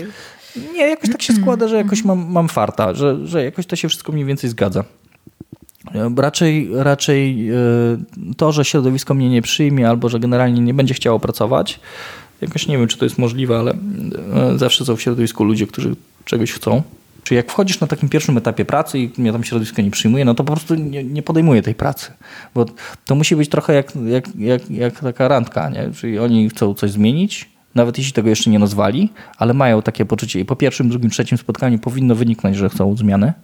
Ja mówię swoją ofertę, oni mówią swoją ofertę, no bo się na coś umawiamy, jest pewien kontrakt, który zawieramy ze sobą, czyli ja mówię, dobra, będzie wam się jeśli jesteście gotowi ciężko pracować, robić różne dziwne rzeczy i, i, i na samym wstępie, jak wchodzę na spotkanie, to mówię, że szukam wyjątkowych miejscowości, wyjątkowych ludzi. Ja nie oszukuję ich, że będzie im miło, przyjemnie i sympatycznie. Nie mówię, co mogę im zaoferować na początek poza ciężką pracą, e, bo to, co oni osiągną, to jest tak naprawdę ich sprawa. Ja nie jestem w stanie im e, dostarczyć zmiany no to przecież w worku jej nie przyniosę, to oni muszą być gotowi na pewną pracę, którą wykonają. I na, na, pierwszym spotkaniu zawsze jest tak, że jak już się uda szyknąć tych ludzi na miejsce, to przedstawiam swoją ofertę. Jak się, mówię, jak się nazywam, przedstawiam się, co umiem i do czego można mnie brzydko mówiąc wykorzystać, czym mogę im pomóc. No i stawiam swoje oczekiwania też, tak? I moim oczekiwaniem jest to, że oni będą chcieli pracować. Jeśli nie spotkamy się w tym miejscu, no to się po prostu rozchodzimy. No to ja nie zacząłem tam pracy i, i tak mi się wydaje, że w tym miejscu mógłbym się rozstać i to jest takie w porządku, no jest uczciwe. Tak? Ja powiedziałem, co mogę zrobić, oni powiedzieli, że nie chcą czegoś zrobić, no i jest okej. Okay. Gorzej, jak jest sytuacja taka, że oni mówią, że chcą zrobić, ale oszukują. Mhm. Czy takie raczej no, deklarowane rzeczy, nie, nie konkretne? No tak, tak. No mhm. oszukują. No, no, nieważne, czy chcą mnie oszukać, czy siebie oszukać, bo to też jest ważne, ale poziom deklaratywności jest dosyć duży. Mhm. W ogóle, jako ludzie, jak zadamy sobie pytanie, czy nie wiem, e, czy chciałbyś zostać milionerem, no to każdy powie, że tak. Mhm. Ale jakbyś chciał odkładać 10 zł dziennie, to już, no, to nie. już nie. No, no żeby stać się milionerem. Mhm. Albo chciałbyś, y, nie wiem, chciałbyś być milionerem, ale czy jesteś gotów, czy chcesz zostać milionerem pracując 14 godzin na dobę? Mhm. To jeszcze powiedzą ok, ale po drugim dniu już nie. Mhm. No właśnie, więc tutaj trochę jest, wiesz, to trochę, trochę to ta metoda twoja, która bardzo mi się podoba, po prostu wszystkiego sprawdzania w działaniu, nie w mówieniu, tylko rzeczywiście w działaniu, nie w praktyce. Czy no, w ogóle od gadania się jeszcze niewiele no, zmieniło. Dokładnie. Fajnie. Wiesz co, a tak myślę sobie jeszcze o tych liderach, tak? Jeżeli powiedzmy, że ktoś, nawet ktoś rzeczywiście sam czuje, że ma coś, chce coś więcej, chce coś więcej zrobić i i ma, ma potrzebę takiego wpływania na miejsce, w którym jest, tak? na tworzenie czegoś fajnego, czegoś nowego. E, czy to w jakiejś formie po prostu jakiegoś happeningu, czy w formie zrobienia czegoś. I jak ty, co ty byś podpowiedział, że co można takiego zrobić, jeżeli wiesz, ktoś, ktoś rzeczywiście ma chęć e, zrobić coś fajnego, e, w jakiś sposób zadecydować o rozwoju, czy widzi potrzebę, widzi coś, co może się dziać, co może zrobić? Zrobić. Po prostu. Ja mam chyba trochę element anarchisty w sobie. No, dobra. Jakby motyw jest taki. Nie ma, e, jeśli ktoś rzeczywiście chce coś zrobić, to trzeba mu powiedzieć, żeby to zrobił. Mhm. E, jeśli będzie mu brakowało papierów, to nie znajdzie osobę, która mu te papiery da. Mhm. E, jeśli ktoś chce nad czymś pracować, e, to niech to zrobi. Ja w ogóle nie, nie widzę żadnych problemów. Happening, proszę bardzo, to sobie zrób. E, nie ma żadnego problemu, że nie masz na to papierów. Dla mnie. Ja wiem, że będą tutaj jakby rozbieżności. Ale rzeczywiście ktoś e, użycza, użycza osobowości prawnej, to tam luz. Użyczysz mhm. osobowości prawnej. Ja generalnie chyba się trochę różnię od e, wielu ludzi z mojego środowiska. Ja e, naprawdę mam w nosie niektóre rzeczy papierowe. Bo ja nie uważam, żeby papiery były ważniejsze. Ważniejsze jest to, żebyś zdobył motywację, żebyś zrobił. Ilość rzeczy, które robiłem na nielegalu jest duża. I to spowodowało, że jestem w tym miejscu, w którym jestem. Bo jakby ktoś mi powiedział, że mam wypełnić papiery na to, żeby zrobić jakiś happening, to bym patrzył na niego i powiedział, co 30 dni, ja nie chcę za 30 dni tego zrobić, ja chcę zrobić to jutro. I mam to w nosie. I ja zrobię to jutro i po prostu nie będę mówił o konkretnych przypadkach, bo może jeszcze się nie, nie, nie przeminęło w ogóle, ale e, ja nie zadaję sobie takich pytań pod tytułem, e, no nie wiem, no to, to, to co ci grozi w ogóle za to? No zamknij park, no i no to zamkniesz. Co, co ci grozi? Przyjdzie ci pogrozi policja? E, w ogóle za to, że zamknąłeś park na happening? Ale gdzie jest organizator? Kto to wie, gdzie ty jesteś organizatorem? To weź swojego syna, który ma 5 lat i powiedz, że to on jest organizatorem. No, ja nie wiem, jaki to jest trudność. To przecież nie będę dzieciaka ganiać. Czy za to, że robić coś dobrego, ktoś ci ukaże? No myślę, że nie. No jakby... Zależy, jaka skala jest tego też i jak No, wiesz, co jeśli robisz trakcie robisz odpowiedzialnie mimo wszystko, bo możemy się obarczyć w ogóle ma- masą przepisów, nie? Możemy. To jakby mamy duże umiejętności w wymyślaniu powodu, żeby czegoś nie zrobić. I ja, ja wiem o tym, że to po prostu, jak ktoś ma e, słabą motywację e, i e, zobaczy, a tutaj trzeba takie papiery, tu takie, i on nie zrobi nic.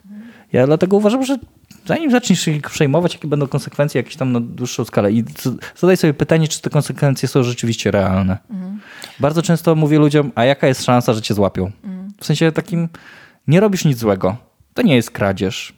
E, To nie jest rzecz, którą, którą można cię ukarać. Jakie są sz- szanse na to, że ktoś powie ci, że twoje działanie było, nie wiem, na, nie wiem, no happening przykładowy, no to jest najlepszy. Przecież no, nie zgłosiły... rzecz. Prosta rzecz, ale 15 osób stojących w jednym miejscu, to masz zgro- zgromadzenie publiczne. Ja mówię, no i jaka jest szansa, że podjedzie do ciebie policja i powie ci, że to jest nielegalne zgromadzenie? Do momentu, kiedy nie masz swastyk na, na tym, na, e, na koszulkach i innych miejscach, no to w zasadzie jakie są szanse, że do ciebie podjadą? No to żadne szanse. No większa rodzina się spotkała na te 15 osób, ale jak już zrobisz na 1000, to rzeczywiście przegięcie pałki, to już to No, nie no wolno. to właśnie mówię. Ale, ale tak mała rzecz, to uważam, że e, nie ma sensu tutaj jakby tam wymyślać, że czegoś nie wolno. Po prostu trzeba to Chyba, zrobić. to chyba to jest, wiesz, to taki analogia może być fajna w sumie, bo tak pomyślałam, że rzeczywiście dużo rzeczy można robić po prostu e, z zapału i z, z, zrobić kilka razy, wtedy później ewentualnie myśleć o tym, czy coś dalej robić z tym, wiesz, jakoś to formalizować. To tak samo jak z działalnością gospodarczą. Co z tego, że założysz działalność, tak? Pójdziesz do urzędu, założysz, jak nie masz nic, tak? Nie masz nic do Nie zrobionego. masz nic, co nie możesz robić, nie? tematu, ale ja uważam, że rzeczywiście spróbuj. E, Z działalnością gospodarczą niech będzie tak samo. Mhm. Że Uważam, że, e, że fajnie jest płacić podatki i to jest najważniejsze, żeby, żeby być uczciwym człowiekiem. Mhm. E, Ale jeśli masz działalność gospodarczą otworzyć, no to spróbuj. W sensie takim, nawet jeśli nie przez siebie, to przez kogoś, to różne są sposoby na to, żeby, Pierwszy żeby to taki w przeskoczyć. miarę luźny. Pierwszy rok jest w miarę luźny. Ja nie rozumiem w ogóle.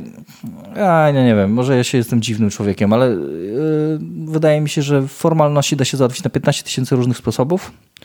E, Ale najważniejsze, żeby zacząć działać i zobaczyć, czy w ogóle te formalności warto załatwiać. I e, zanim zaczniesz formalności, dowiedz się, że ten twój pomysł chwyci.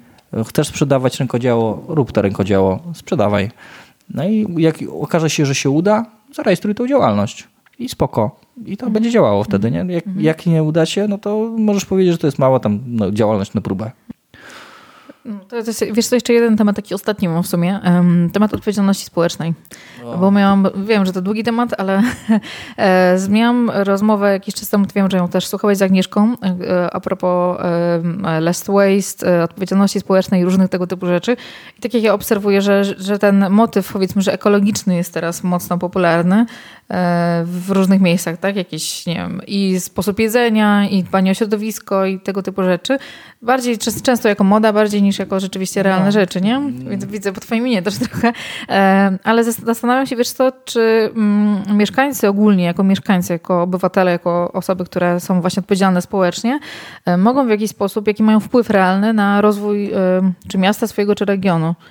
Bo e, ty jesteś mocno w tym środowisku siedzisz i ja też obserwuję tutaj rzeczy, które się dzieją, tak? Które się dzieją tutaj w tym mieście. To dużo rzeczy fajnych jest takich, które są, wiesz, od, od mieszkańców wypływają, tak? Jakieś spotkania, te soboty obywatelskie, po prostu spotkania normalne, czy też w ogóle wiele inicjatyw, które ja nawet nie wiedziałam, że to są właśnie z tego trzeciego sektoru, które, nie wiem, jakieś sportowe, tak? Które są w ramach tego robione, tak? E, Które teoretycznie wyglądają jako jakieś, e, nie wiem, coś innego zupełnie, tak? A to jest e, to, jest to od, oddolne takie działanie. Czy tych działań, tych działań jest bardzo dużo. Tu powiedziałeś o społeczność, społecznej odpowiedzialności. Nie wiedziałem, czy pójdziesz w społeczną odpowiedzialność biznesu, ale o takiej społecznej odpowiedzialności odpowiedzialności mhm. nas jako mieszkańców, to znaczy działań, które można podejmować jest bardzo dużo. Mhm. Działań, które już się dzieją i do których można dołączyć, też jest bardzo dużo. Tutaj jakby słuchają nas ludzie z różnych stron świata i z różnych miejscowości w Polsce i nie tylko. No to tych działań jest, ja, ja nawet patrzę z, te, z Ełku, jakby ilość rzeczy, w które można się angażować jest przekraczająca moje możliwości. Mam takie też poczucie, że trochę się rzeczy zmieniło. Też możemy mówić o takich trendach, które się wydarzają. Mhm. Powiedziałaś o tych e, less waste. E, e, to jest rzecz, która się pojawiła już jakiś czas temu. I czy to będzie moda trwała, czy nie, to nie wiem. Mam nadzieję. Ja też mam taką nadzieję. Czy to są działania, które są skuteczne? Mam duże wątpliwości, bo rzeczywiście staramy się, żeby były skuteczne. Jako społecznicy mamy jakiś ograniczony, e, ograniczony wachlarz możliwości, bo w większości nie jesteśmy decydentami, ale mamy duże możliwości wpływania na, tych, e, mm, na te władze. I sprawdzania trochę ich, Trochę nie? sprawdzania. wiem, że wy to tak. też sporo robicie. Patrzymy na ręce. tak czy inaczej, no, można się interesować. I to, czego, e, to, czego e, żadne władze się nie spodziewają, to zainteresowania tym, co robi. Mhm. I to jest, to jest to, co wiedza, e, zainteresowanie, nawet drobne rzeczy zaangażowanie, to jest coś, co rzeczywiście ich ma mobilizuje potem, też ich trochę, mobilizuje. Nie? Oczywiście tutaj będzie opór. Jakby mhm. wiadomo, że, że to nie jest bardzo przyjemne mieć y, ludzi, którzy się za dużo interesują, bo to nie jest wygodne ale władze tego potrzebują. Mimo wszystko uważam, że my nie stoimy po przeciwległych e, stronach. Społecznicy mają to do siebie, że widzą inne rozwiązania. E, Bardziej często praktyczne, często mniej formalne. Mniej formalne, mhm. bardzo praktyczne. Widzą też jakieś inne potrzeby. Oczywiście urząd będzie miał jeden, drugi, piąty swoje na to spojrzenie. E, no ale jeśli nie, jeśli nie spotka się gdzieś tam po środku, no to, no to rzeczywiście będzie ciężko. Nasze zaangażowanie społeczne i odpowiedzialność społeczna może być właśnie wyrażana na różne e, sposoby. Możemy iść na urząd gminy, na spotkaniu w urzędzie gminy, miasta, gdziekolwiek. Każdy może przyjść, Każdy tak? może przyjść. Ja nie widzę w tym żadnego problemu. E, I uważam, że każdy może zabrać głos. Nie wiem, czy każdy wie o tym, ale jak idziemy na to spotkanie, to możemy zabrać głos. Są różnego rodzaju komisje, w których możemy brać udział. Jeśli nas coś interesuje, możemy spowodować, żeby taka komisja spotkała się w tym temacie. Dziwne, nie? Tak, no, nie widziałam to nawet. Możemy spowodować, że coś takiego się dzieje. Oczywiście nasz punkt widzenia nie musi zostać wzięty pod uwagę, żeby było jasne, ale możemy go przedstawić, to już jest dużo. Albo może być wzięty pod uwagę, ale niekoniecznie być rozstrzygnięcie po naszej myśli. I tutaj to zaangażowanie może być w wielu miejscach. No, nawet takie proste spotkanie, udział w tych śniadaniach obywatelskich, które się dzieją w Ełku, ale w dużych miastach również takie, miejsca, takie rzeczy się dzieją. To, to też jest udział, gdzie możemy się spotkać, porozmawiać na różne tematy, wymienić się różnego rodzaju informacjami i to też jest przejaw jakiegoś zaangażowania, bo bardzo często z tych dyskusji wynikają bardzo poważne rzeczy. Naprawdę. No mhm. i, no i to które z, e, które z tych rzeczy, które czy robiłeś, czy widziałeś, czy obserwowałeś, jakby widzisz, że dla ciebie są e, czymś, co najbardziej zapamiętałeś, co miało taki największy wpływ twoim zdaniem? Znaczy, te rzeczy, które zmieniają rzeczywistość, to są rzeczy, które są w oparciu o dobro wspólne. To są rzeczy, które warto wspierać i rzeczywiście zmieniają wiele. I e, przykładów na to może być e, projekty z działy lokalnie, które są realizowane przez Stowarzyszenie Stopa. To one są właśnie w tą stronę pchane, czyli rzeczywiście, że to są wszystkie rzeczy, które łączą, są warte powielania jakie to są rzeczy, nie jesteśmy w stanie tego sklasyfikować, bo przypadek na przykład e, działania z jednej miejscowości był taki, że e, mieli e, poczucie zagrożenia bezpieczeństwa, mhm. dlatego że było ciemno i postawili sobie latarnię i zrobili to wspólnymi siłami. I uważam, że to jest rzecz, która była warta powielenia. To jest przykład z bardzo dawnych czasów. Przykładem jest też to, że na przykład łączenie środowisk, coś co jest y, dla mnie na przykład wielkim plusem i tutaj mogę się posłużyć, bo tutaj żadnej, żadnego środowiska nie będę wy, e, wyróżniał, ale przykładem takich działań to jest łączenie różnych liderów w ramach jednego, to się dokładnie nazywa partnerstwami nieformalnymi, mhm. ale ja uważam, że to jest tak naprawdę budowanie relacji pomiędzy różnymi środowiskami, pomiędzy liderami i to robimy od jakiegoś czasu w gminie Świętajno, gdzie ludzie z pięciu, sześciu miejscowości e, spotykają się i ustalają wspólnie różnego rodzaju działania. To to, żeby otwierać się nie tylko na działania we własnych miejscowościach, własnych grupach, tylko żeby przeskakiwać potrzeby e, nawet społeczne, ale ograniczonej grupy społecznej, wychodzić jakby ponadto i współpracować między sobą, żeby, żeby te grupy, grupy jakoś tam w jakiś sposób łączyć. To jest jakby poziom współpracy, z którego jestem dumny, gdzie wspólnie stworzyliśmy mm, mapę miejscowości e, z gminy Świętajno, które wytworzyły różnego rodzaju oferty i oni wspólnie nad tym pracowali. To dużo, dużo pracy e, zostało wniesione, ale to było wyskoczenie ponadto i jeden drugiego poleca, gdzie przyjeżdża na przykład turysta i może trafić z punktu A do punktu B, dlatego że dostał polecenie nie, nie zamykamy się, a otwieramy się jeszcze, jeszcze dalej. Więc to jest taki poziom partnerstwa, który, który jest no, satysfakcjonujący czyli, i trudny do osiągnięcia. Czyli nie konkurenci, tylko partnerzy, tak? No, to no, jest bardzo jest, trudne. No nie? właśnie, nie? To jest, to jest bardzo fajne. trudne i e, dojście do takiego poziomu jest dosyć... W działalności społecznej jest bardzo dużo konkurencji mimo wszystko, mhm. dlatego że zasobów jest stosunkowo mało, czyli mówimy o kasie, która jest niewielka, i, e, a potrzebach, które są ogromne.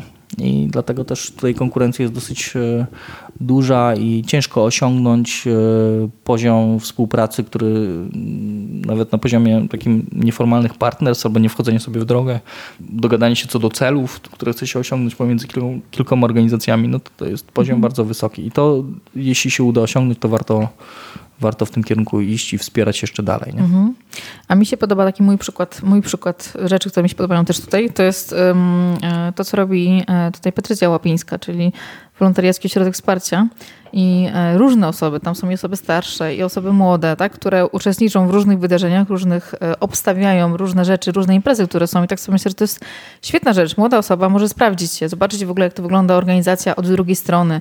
E, może też poczuć, wiesz, to co mówiłeś, sprawdzić się w działaniu, zrobić różne rzeczy. No, zamiast siedzieć w domu, grać na komputerze czy robić jakieś inne rzeczy, ma też fajne środowisko, ludzi, którzy coś ciekawego robią. Mi się strasznie to podoba, że wiesz, no, ma taką możliwość. W ogóle jest bilion takich miejsc, gdzie mm -hmm. można się sprawdzić.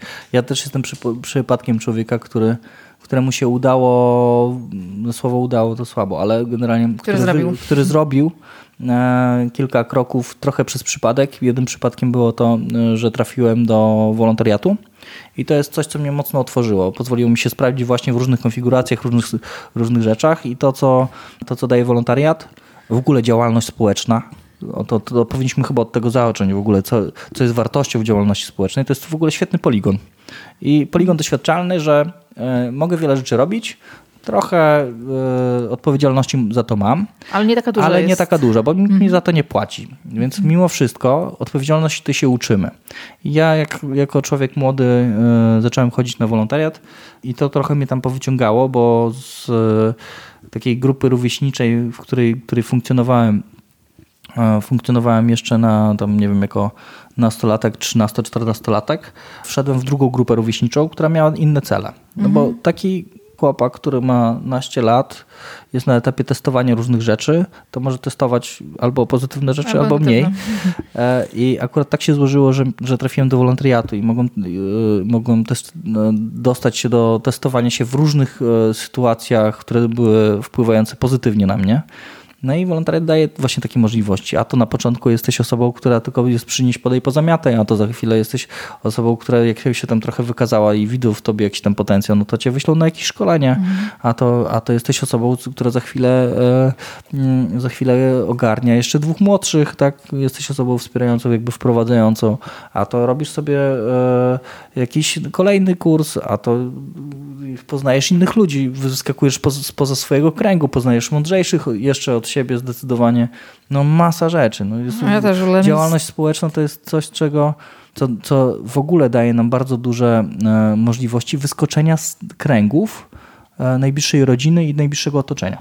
To jest coś, czego ciężko e, wycenić, bo ja przypadkiem trafiłem na wolontariat, ten wolontariat trochę mnie tam zaraził, zacząłem różne rzeczy robić, tam spotkałem różnych ludzi, bo do wolontariatu trafiali nie ludzie z mojego osiedla, tylko ludzie z całego, z całego Ełku, więc te środowiska mi się tam mocno wymieszały. To są kontakty, które do tej pory w ogóle funkcjonują, żeby było śmieszniej, w mniejszym bądź większym stopniu. Tam miałem okazję poznać ludzi, którzy, do których normalnie nie miałem dostępu, czyli starszy pan, który dzierży władzę w mieście. No dla mnie to jest nie, nie do osiągnięcia wtedy, ale mhm. on siedział obok mnie, nie, na przykład i on coś powiedział i on tym jednym zdaniem mógł wiele rzeczy zmienić.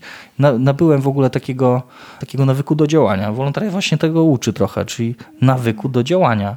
Nie oczekiwanie gratyfikacji mhm. takiej pieniężnej od razu, tylko naj, najpierw gratyfikacji może dostawać innego napędu, dostajesz z działania. No i ja tego się, się bardzo mocno gdzieś tam uczyłem.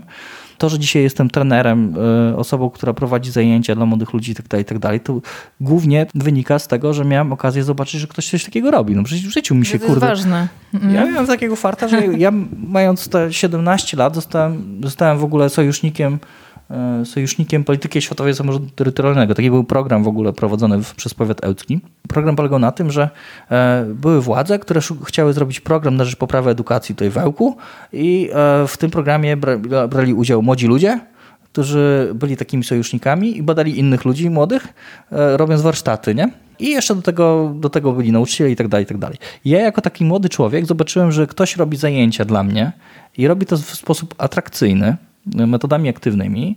I jak ja na to spojrzałem, wow, fajnie by było kimś takim, to ja w ogóle nie wiedziałem, że coś takiego istnieje do tego momentu. Ktoś prowadzi zajęcia, robi tu jakieś tu fajne sztuczki, tu coś tam i w ogóle jeszcze z tego wychodzi bardzo fajnie, fajne rzeczy. W szkole tego nie widziałem, bo jakby te, metody aktywne w ogóle nie funkcjonowały. I ja zobaczyłem, wow, to jest super, nie? I w życiu bym sobie tego nie podejrzewał, że ja to będę później robił. No ale jakby dzięki temu, że, że, że to zobaczyłem, e, już wiedziałem, czego mógłbym ewentualnie chcieć. Jakby no, to jest no, niesamowita sytuacja. Tak? dzięki, dzięki zaangażowaniu takiego społecznemu jakby nie było, bo to był wolontariat. Później było jakieś tam harcerstwo, które mnie wiele rzeczy nauczyło. To też jest jakieś tam e, fajna Kierunek sprawa. Fajny. Nie no. wiem, czy jeszcze funkcjonuje jeszcze funkcjonuje. Oczywiście, że funkcjonuje. Jakby scouting zawsze, zawsze był i będzie, ale mhm. No to harcerstwo mi tam trochę rzeczy też dokoptowało, później studia i gdzieś te społeczne rzeczy. Ja zawsze lubiłem robić rzeczy, które nie, nie idą w śmietnik. I wolontariat też mnie nauczył tego, że jak już masz coś robić, no to niech to ma, ma sens, nie? Mhm. Bo e, miałem wybór robienia praktyk, no bo pierwszy, z pierwszego wykształcenia jestem pedagogiem. No, część ludzi idzie na, idzie na łatwiznę, idzie tak, robić, odbębnić i dzbani. A ja już wiedziałem, czego chcę, nie? Mhm. Ale, albo czego nie chcę, już wiedziałem, bo już byłem wcześniej wolontariuszem na jakiejś tam świetlicy i już wiedziałem, że nie, nie, nie, świetlica to zły pomysł, nie? To już jakby mnie nie kręci. Niczego się nie nauczysz nie, tam. Tam niczego się nie nauczę, już to mam za sobą, nie? Więc dwie świetlice wcześniej zwiedziłem, więc generalnie to już bez sensu już wybierałem, wybierałem na studiach praktyki, to żeby były praktyczne tak? A no to już ja miałem taką wiedzę, że ja nie musiałem robić w ramach praktyk tego, to coś mi powie. Ja po prostu miałem już pomysł pod tytułem, ok, to ja może będę realizował jakiś projekt i w ramach swoich praktyk realizowałem projekt samodzielnie gdzie były jakieś tam na to, na, był na to jakiś budżet, coś tam robiłem. Ja nie miałem żadnego problemu z tym, żeby to gdzieś ogarnąć. Albo, że nie poszedłem po prostu do e, kolejnej świetlicy odpękać w ogóle e, w e, te, te godzinki, tylko poszedłem do środka kuratorskiego, który w ogóle jest zupełnie innym poziomem doświadczenia. Nie? I, i to było super, nie? E, I, I, gdzieś tam się e, te doświadczenia wolontariackie przerodziły się to, że kurczę, no to zaraz miałem jakąś propozycję pracy. Jak kończyłem studia, no to, no, no to otrzymałem propozycję pracy. W tamtym okresie to nie było to takie proste, mhm. żeby e, pracować. Dałeś się poznać też tak, innym, nie?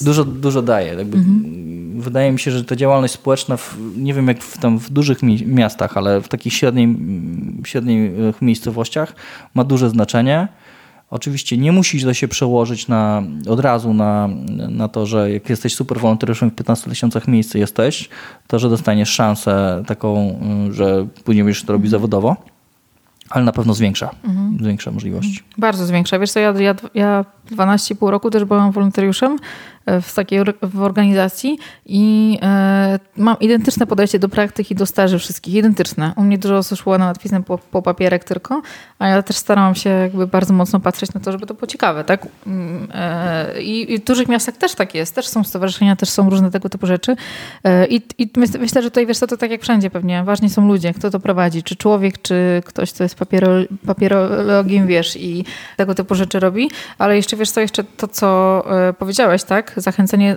myślę, że to w ogóle to jest dobra rzecz, żeby zachęcić ludzi do tego, żeby obserwowali, jakie są potrzeby, jakie są ich też zainteresowania, jakie są możliwości, y, co chcieliby robić w ramach, wiesz, swoich działań, bo zwykłą rzeczą może być nawet to, że nie wiem, no bez, wiesz, dbamy o porządek gdzieś tam w okolicy albo z- Nie, no, zgłaszamy coś, dla nie? mnie, dla mnie Wszystko sytuacja jest robić. taka, że sprawdź w działaniu. W sensie Mhm. takim, ja teraz jak się nad tym zastanawiam, w ogóle jak dużo to jest w ogóle, jak dużo daje możliwość sprawdzenia się w różnych sytuacjach. I jak chcesz coś robić w życiu i tak ci się wydaje, że chcesz to robić, to wcale nie jest to prawda. Jakby wymyśliłeś sobie zawód w życiu, to spróbuj tego. Jakby, y, nie wiem, ja, ja nie wymyśliłem sobie, że chcę być trenerem.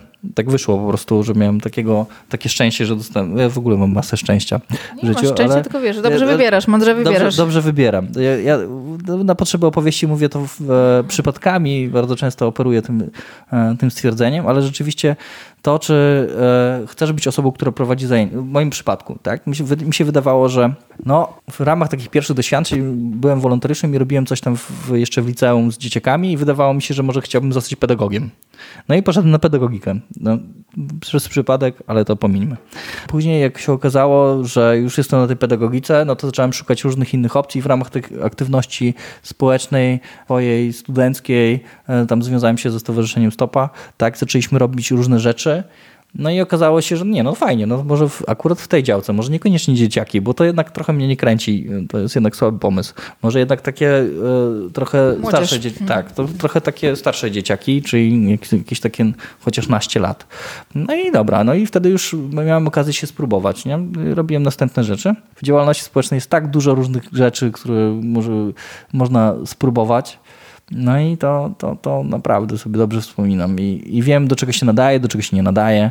Wiem na pewno, czego nie chcę robić, to już jest dużo, nie? Już, bo ja wzorców nie miałem zbyt wysokich na początek, w sensie takim to, co, to, co widziałem gdzieś tam, y, co mogłem robić, no to było tyle, co widziałem gdzieś tam w rodzinie. No, wolontariat dał mi szansę na to, żeby zobaczyć, że coś więcej można. E, I jak już byłem w liceum, to y, wydawało mi się, że no, maksymalną rzeczą, którą mógłbym ewentualnie gdzieś tam zrobić, to zostać pedagogiem w szkole. I że to jest jakieś tam rozwiązanie. I to było takie światełko w tunelu, że mógłbym ewentualnie coś takiego robić w życiu. No i to był maks. A działalność społeczna pokazała, nie, nie, stary, w ogóle w tych, w tych w ogóle działce to ty masz tak dużo różnych możliwości e, i możesz robić to, co tak naprawdę sobie gdzieś tam wymyślisz. Chcesz być trenerem, osobą prowadzącą zajęcie dla młodzieży? Spoko, spróbuj sobie. Możesz to zrobić za darmo, zrobić pierwsze warsztaty e, jako wolontariusz, nie ma problemu. Zresztą zanim, za- zanim stanąłem e, jako osoba, która wzięła za to pieniądze, no to już miałem no kurczę, no z 4 lata doświadczenia prowadzenia różnych zajęć, tak? No oczywiście robionych na początku na tempaka, bo tak, tego nie nazwę zawodowym podejściem, e, bo, bo rzeczywiście, o, zrobiłem jakieś ćwiczenie, jakiś wniosek, nie, nie rozumiałem tego, co robię na początku, bo, mi, e, bo byłem za młody, żeby to zrozumieć. Dopiero później weszło w tę metodologię i tak dalej, i tak dalej. No ale to zupełnie inaczej się uczyć, jak już masz jakieś doświadczenie w życiu, nie? Jak masz jakieś doświadczenie, tak idziesz na studia, no to ta wiedza jakaś ma sens, nie? To jak ci opowiadają o tym, bo później z wykształcenia jeszcze zrobiłem sobie jakieś tam zarządzanie organizacjami pozarządowymi, ale ja już miałem doświadczenie. To inaczej się uczysz na studiach, kiedy ktoś ci dokłada do tego teorię i musisz sobie, aha, to jednak taka ustawa, aha, to jednak tak się robi, aha, to jednak projekt się pisze tak. No i to duża różnica była, naprawdę, no więc... ograniczanie siebie poprzez na, na to tylko, że studiujesz i nic więcej nie robisz, to jest dla mnie absurd. A wiesz, a robienie, no strata czasu, nie? A tak sobie myślę, że e, teraz taki może apel, apel do młodszych osób, os- osób, które naprawdę nie mają zobowiązań finansowych, mieszkają O, ja. rodziców albo wiesz, coś tam To jest robią. moment na rozrabianie. Mega fajna opcja. Można wszystkiego próbować, zobaczyć sobie i po co tracić czas na, e, nie wiem, uczenie się czegoś e, trzy lata, jeżeli nie wiemy do końca, czy to jest fajne. Bo są takie zawody, których rzeczywiście musisz mieć edukację, nie wiem, lekarz, tak, czy jeszcze jakieś inne, gdzie musisz, wiesz, przejść jakąś ścieżkę. Ja Myślę, ale że też- ci to są już ugruntowani. Dokładnie, Mówimy oni wiedzą, którzy, nie? Którzy mają inne wzorce albo nie mają wzorców, które mogłyby naśladować i nie wiedzą, czego mogliby oczekiwać. Tak, Mhm. Niech testują, życia. nie? Testowanie testują. to jest Ale świetna rzecz. No, no, no właśnie to jest, to jest to, nie? Jakby ja w ogóle, jeśli chodzi o taką, o młodych ludzi, to ja uważam, że musimy dawać im prawo do tego, że oni mają prawo testować i że moje, mogą w ogóle Popełniać błędy. popełniać błędy. I dajmy im tym, jak się, ja, ja w ogóle nie mam problemu z tym, żeby, nie wiem, się ludzie potknęli i rozbili sobie nos. Ja, ja wiem, że jakiś tam poziom bezpieczeństwa staram się zachować w ogóle podczas e, prowadzenia zajęć, ale one są często dosyć takie no, abstrakcyjne. No, jakby pozwalam sobie na dużo większe dużo większą wolność, dlatego żeby pozwalać ludziom się gdzieś tam pomylić. Nawet zrobić sobie, brzydko mówiąc, e, nawet nie, niekoniecznie jakąś tam mocną krzywdę, ale generalnie no, jak, ja nie widzę z tym problemu. Jakby, że ludzie mają prawo doświadczać, że czasami się muszą sparzyć, żeby się dowiedzieć, czego nie robić, albo na co ich stać tak naprawdę. Oni muszą mieć wyższe gdzieś tam wymagania. No i jakieś takiej bań, budowania bańki wokół ludzi jakoś nie, No nie nie, toleruję. tak no. Ja w ogóle też jak pracuję jako ten animator społeczny w ogóle w OWESie, to też się zastanawiam nad tym, Boże, ja bo to po prostu z tymi ludźmi bardzo często jest tak, mm, że po prostu ja to im bańkę tak przychodzę i tak bezczelnie przekuwam. Puf. I e, ktoś mówi, ale ja nie wiem jak to zrobić, ale to zrób. I Spróbuj. mówię, spróbuj, nie? I co? No, możesz się pomylić. I ludzie jakby nie mają takiego czegoś, e, e, że mogą się pomylić. Bo ktoś kiedyś im wmówił, że muszę, że że o, pomylisz. dobra, że źle się pomylisz. Ośmieszysz się czy coś. Tak, no. ale, a, ale no jak masz jak masz, nie wiem, Mhm. Zacząć prowadzić działalność e, tam powiedzmy, że e, biznesową, tak? W momencie, kiedy tego nie spróbowałeś, no to kurde, no to możesz się pomylić, no przecież, ale pomyl się tak, żebyś mógł to podźwignąć. To Mhm. Zrób, podnoś takie ryzyko, z którego powodu się nie powiesisz. No jest jakby wiadomo, że no są ryzyka większe, mniejsze, no każdy jest, ma jakąś akceptację ryzyka inną, no ale no to trzeba przesuwać jakby te granice. Jakby dla mnie w... Wiesz, to trzeba trochę samy, musisz, wiesz, to, to jest, nie każdy ma taką, wiesz, umiejętność dawania wolności innym. Samemu trzeba być wolnym wewnętrznie, moim zdaniem, żeby, wiesz, dać wolność innym, bo nawet spojrz na ten pr- przykład e, rodzice, dzieci, tak?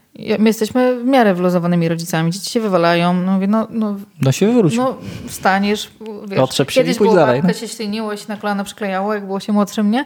Ale wiesz, i, te, i też ta bańka to niczego nie uczy tak naprawdę. I nawet ostatnio miałam taką sytuację, jak pod, yy, na jakiejś imprezie yy, moja córka się zachowała niefajnie trochę, sam, sam, samolubnie. Jakieś dziecko jej właśnie mówi, że no wiesz, nie będę się teraz z tobą bawiła, bo byłaś niemiła i dla swojego brata czy coś tam. Ja myślę, super, doświadczenie fajne dla Dostała niej, tak? Informację zwrotną, informację to jest zwrotną, nie? nieakceptowalne. Widać, widać po oczach, nie? Ona więcej wyciągnęła niż jakby mi coś powiedziała, nie? I wiesz, takie O. chronienie kogoś to jest... A jeszcze powiem lepiej, bo ja, ja uwielbiam pracować właśnie z grupami, y, prostując e, różnego rodzaju takie zachowanie nieakceptowalne. Bo, e, bo to jest trochę na zasadzie zakazów i nakazów. Wiemy o tym, że jest ograniczenie do 50 w mieście. Wszyscy.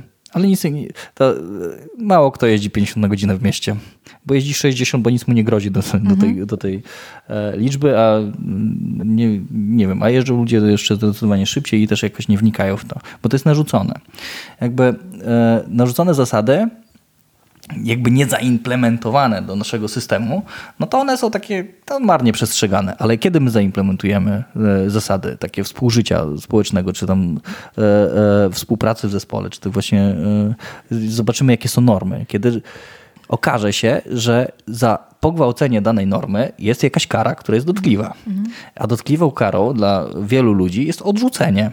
I odrzucenie właśnie w takiej sytuacji jest najlepszą w ogóle formą No, e, są. pokarania, bo one, one czasami krótkotrwałe, najczęściej to jest krótkotrwałe. A no, no, no, już ciebie nie kochamy.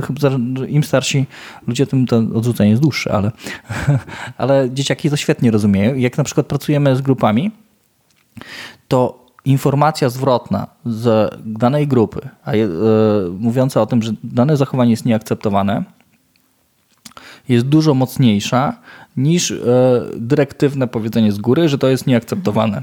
Więc przez jakiegoś, nie wiem, ważniejszego od siebie, czy też przez osobę, która, nie wiem, daje sobie prawo do tego, żeby być, nie wiem, wyżej szefem czy danego przedsięwzięcia. Dlatego ja, ja ustawiam się zawsze w innej roli, że jeśli zasady są grupowe, i to grupa jest w stanie wymusić jakby te zasady stosowania. Grupa będzie też pilnować I ich, grupa nie? będzie ich pilnować. I, e, i, I to jest właśnie to, na czym bardzo często pracujemy. Też grupa daje wsparcie w po, e, pokonywaniu trudności, bo jesteśmy jednak zw- zwierzęciem stadnym i e, odrzucenie raczej jest dosyć bolesną e, rzeczą.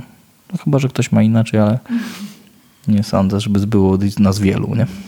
I to jest też w ogóle fajna myśl na koniec taka, że w tym środowisku, gdzie jest tyle indywidualności osób, które wiesz, każdy jest inny, e, jakby ta siła grupy jest czymś takim ważnym, czymś, co buduje. E, Tak dobro wspólne często jest, e, jest ważniejsze niż te nasze indywidualne i większą, większy zasięg ma, większą też siłę oddziaływania. Mhm, dokładnie to jest tak, że jeśli mamy wspólne potrzeby, które wspólnie namierzymy, to łatwiej jest nam je wspólnie rozwiązać.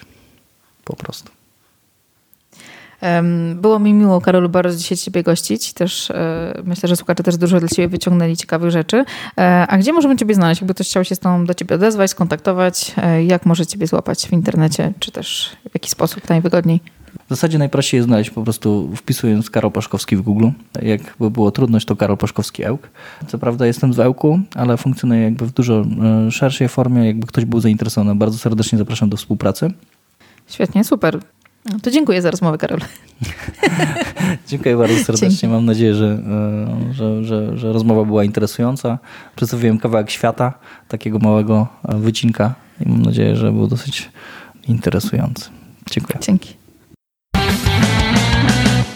Dzięki, że byłeś z nami, dzięki, że wysłuchałeś e, tego odcinka. Bardzo się cieszę.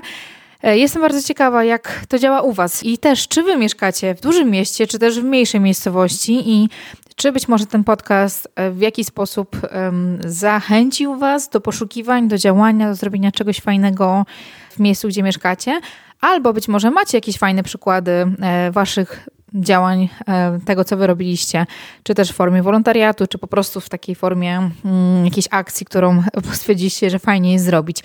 Jeżeli macie takie e, fajne przykłady, zapraszam do kontaktu i do zostawienia komentarzy, mm, czy w mediach społecznościowych, czy też na mojej stronie katarzynabieleniewicz.pl. Dajcie znać, jeżeli macie ochotę coś napisać dłuższego, e, podzielić się ze mną, to zapraszam do kontaktu mailowego katarzynamałpabieleniewicz.com jeszcze dwa ogłoszenia mam dla Was. Pierwsza rzecz to możecie, pamiętajcie, że zawsze możecie wspierać ten podcast na platformie Patronite, wybierając próg, który jest dla Was najbardziej dostępny, który macie ochotę e, jakby przeznaczyć na wsparcie dla tego podcastu.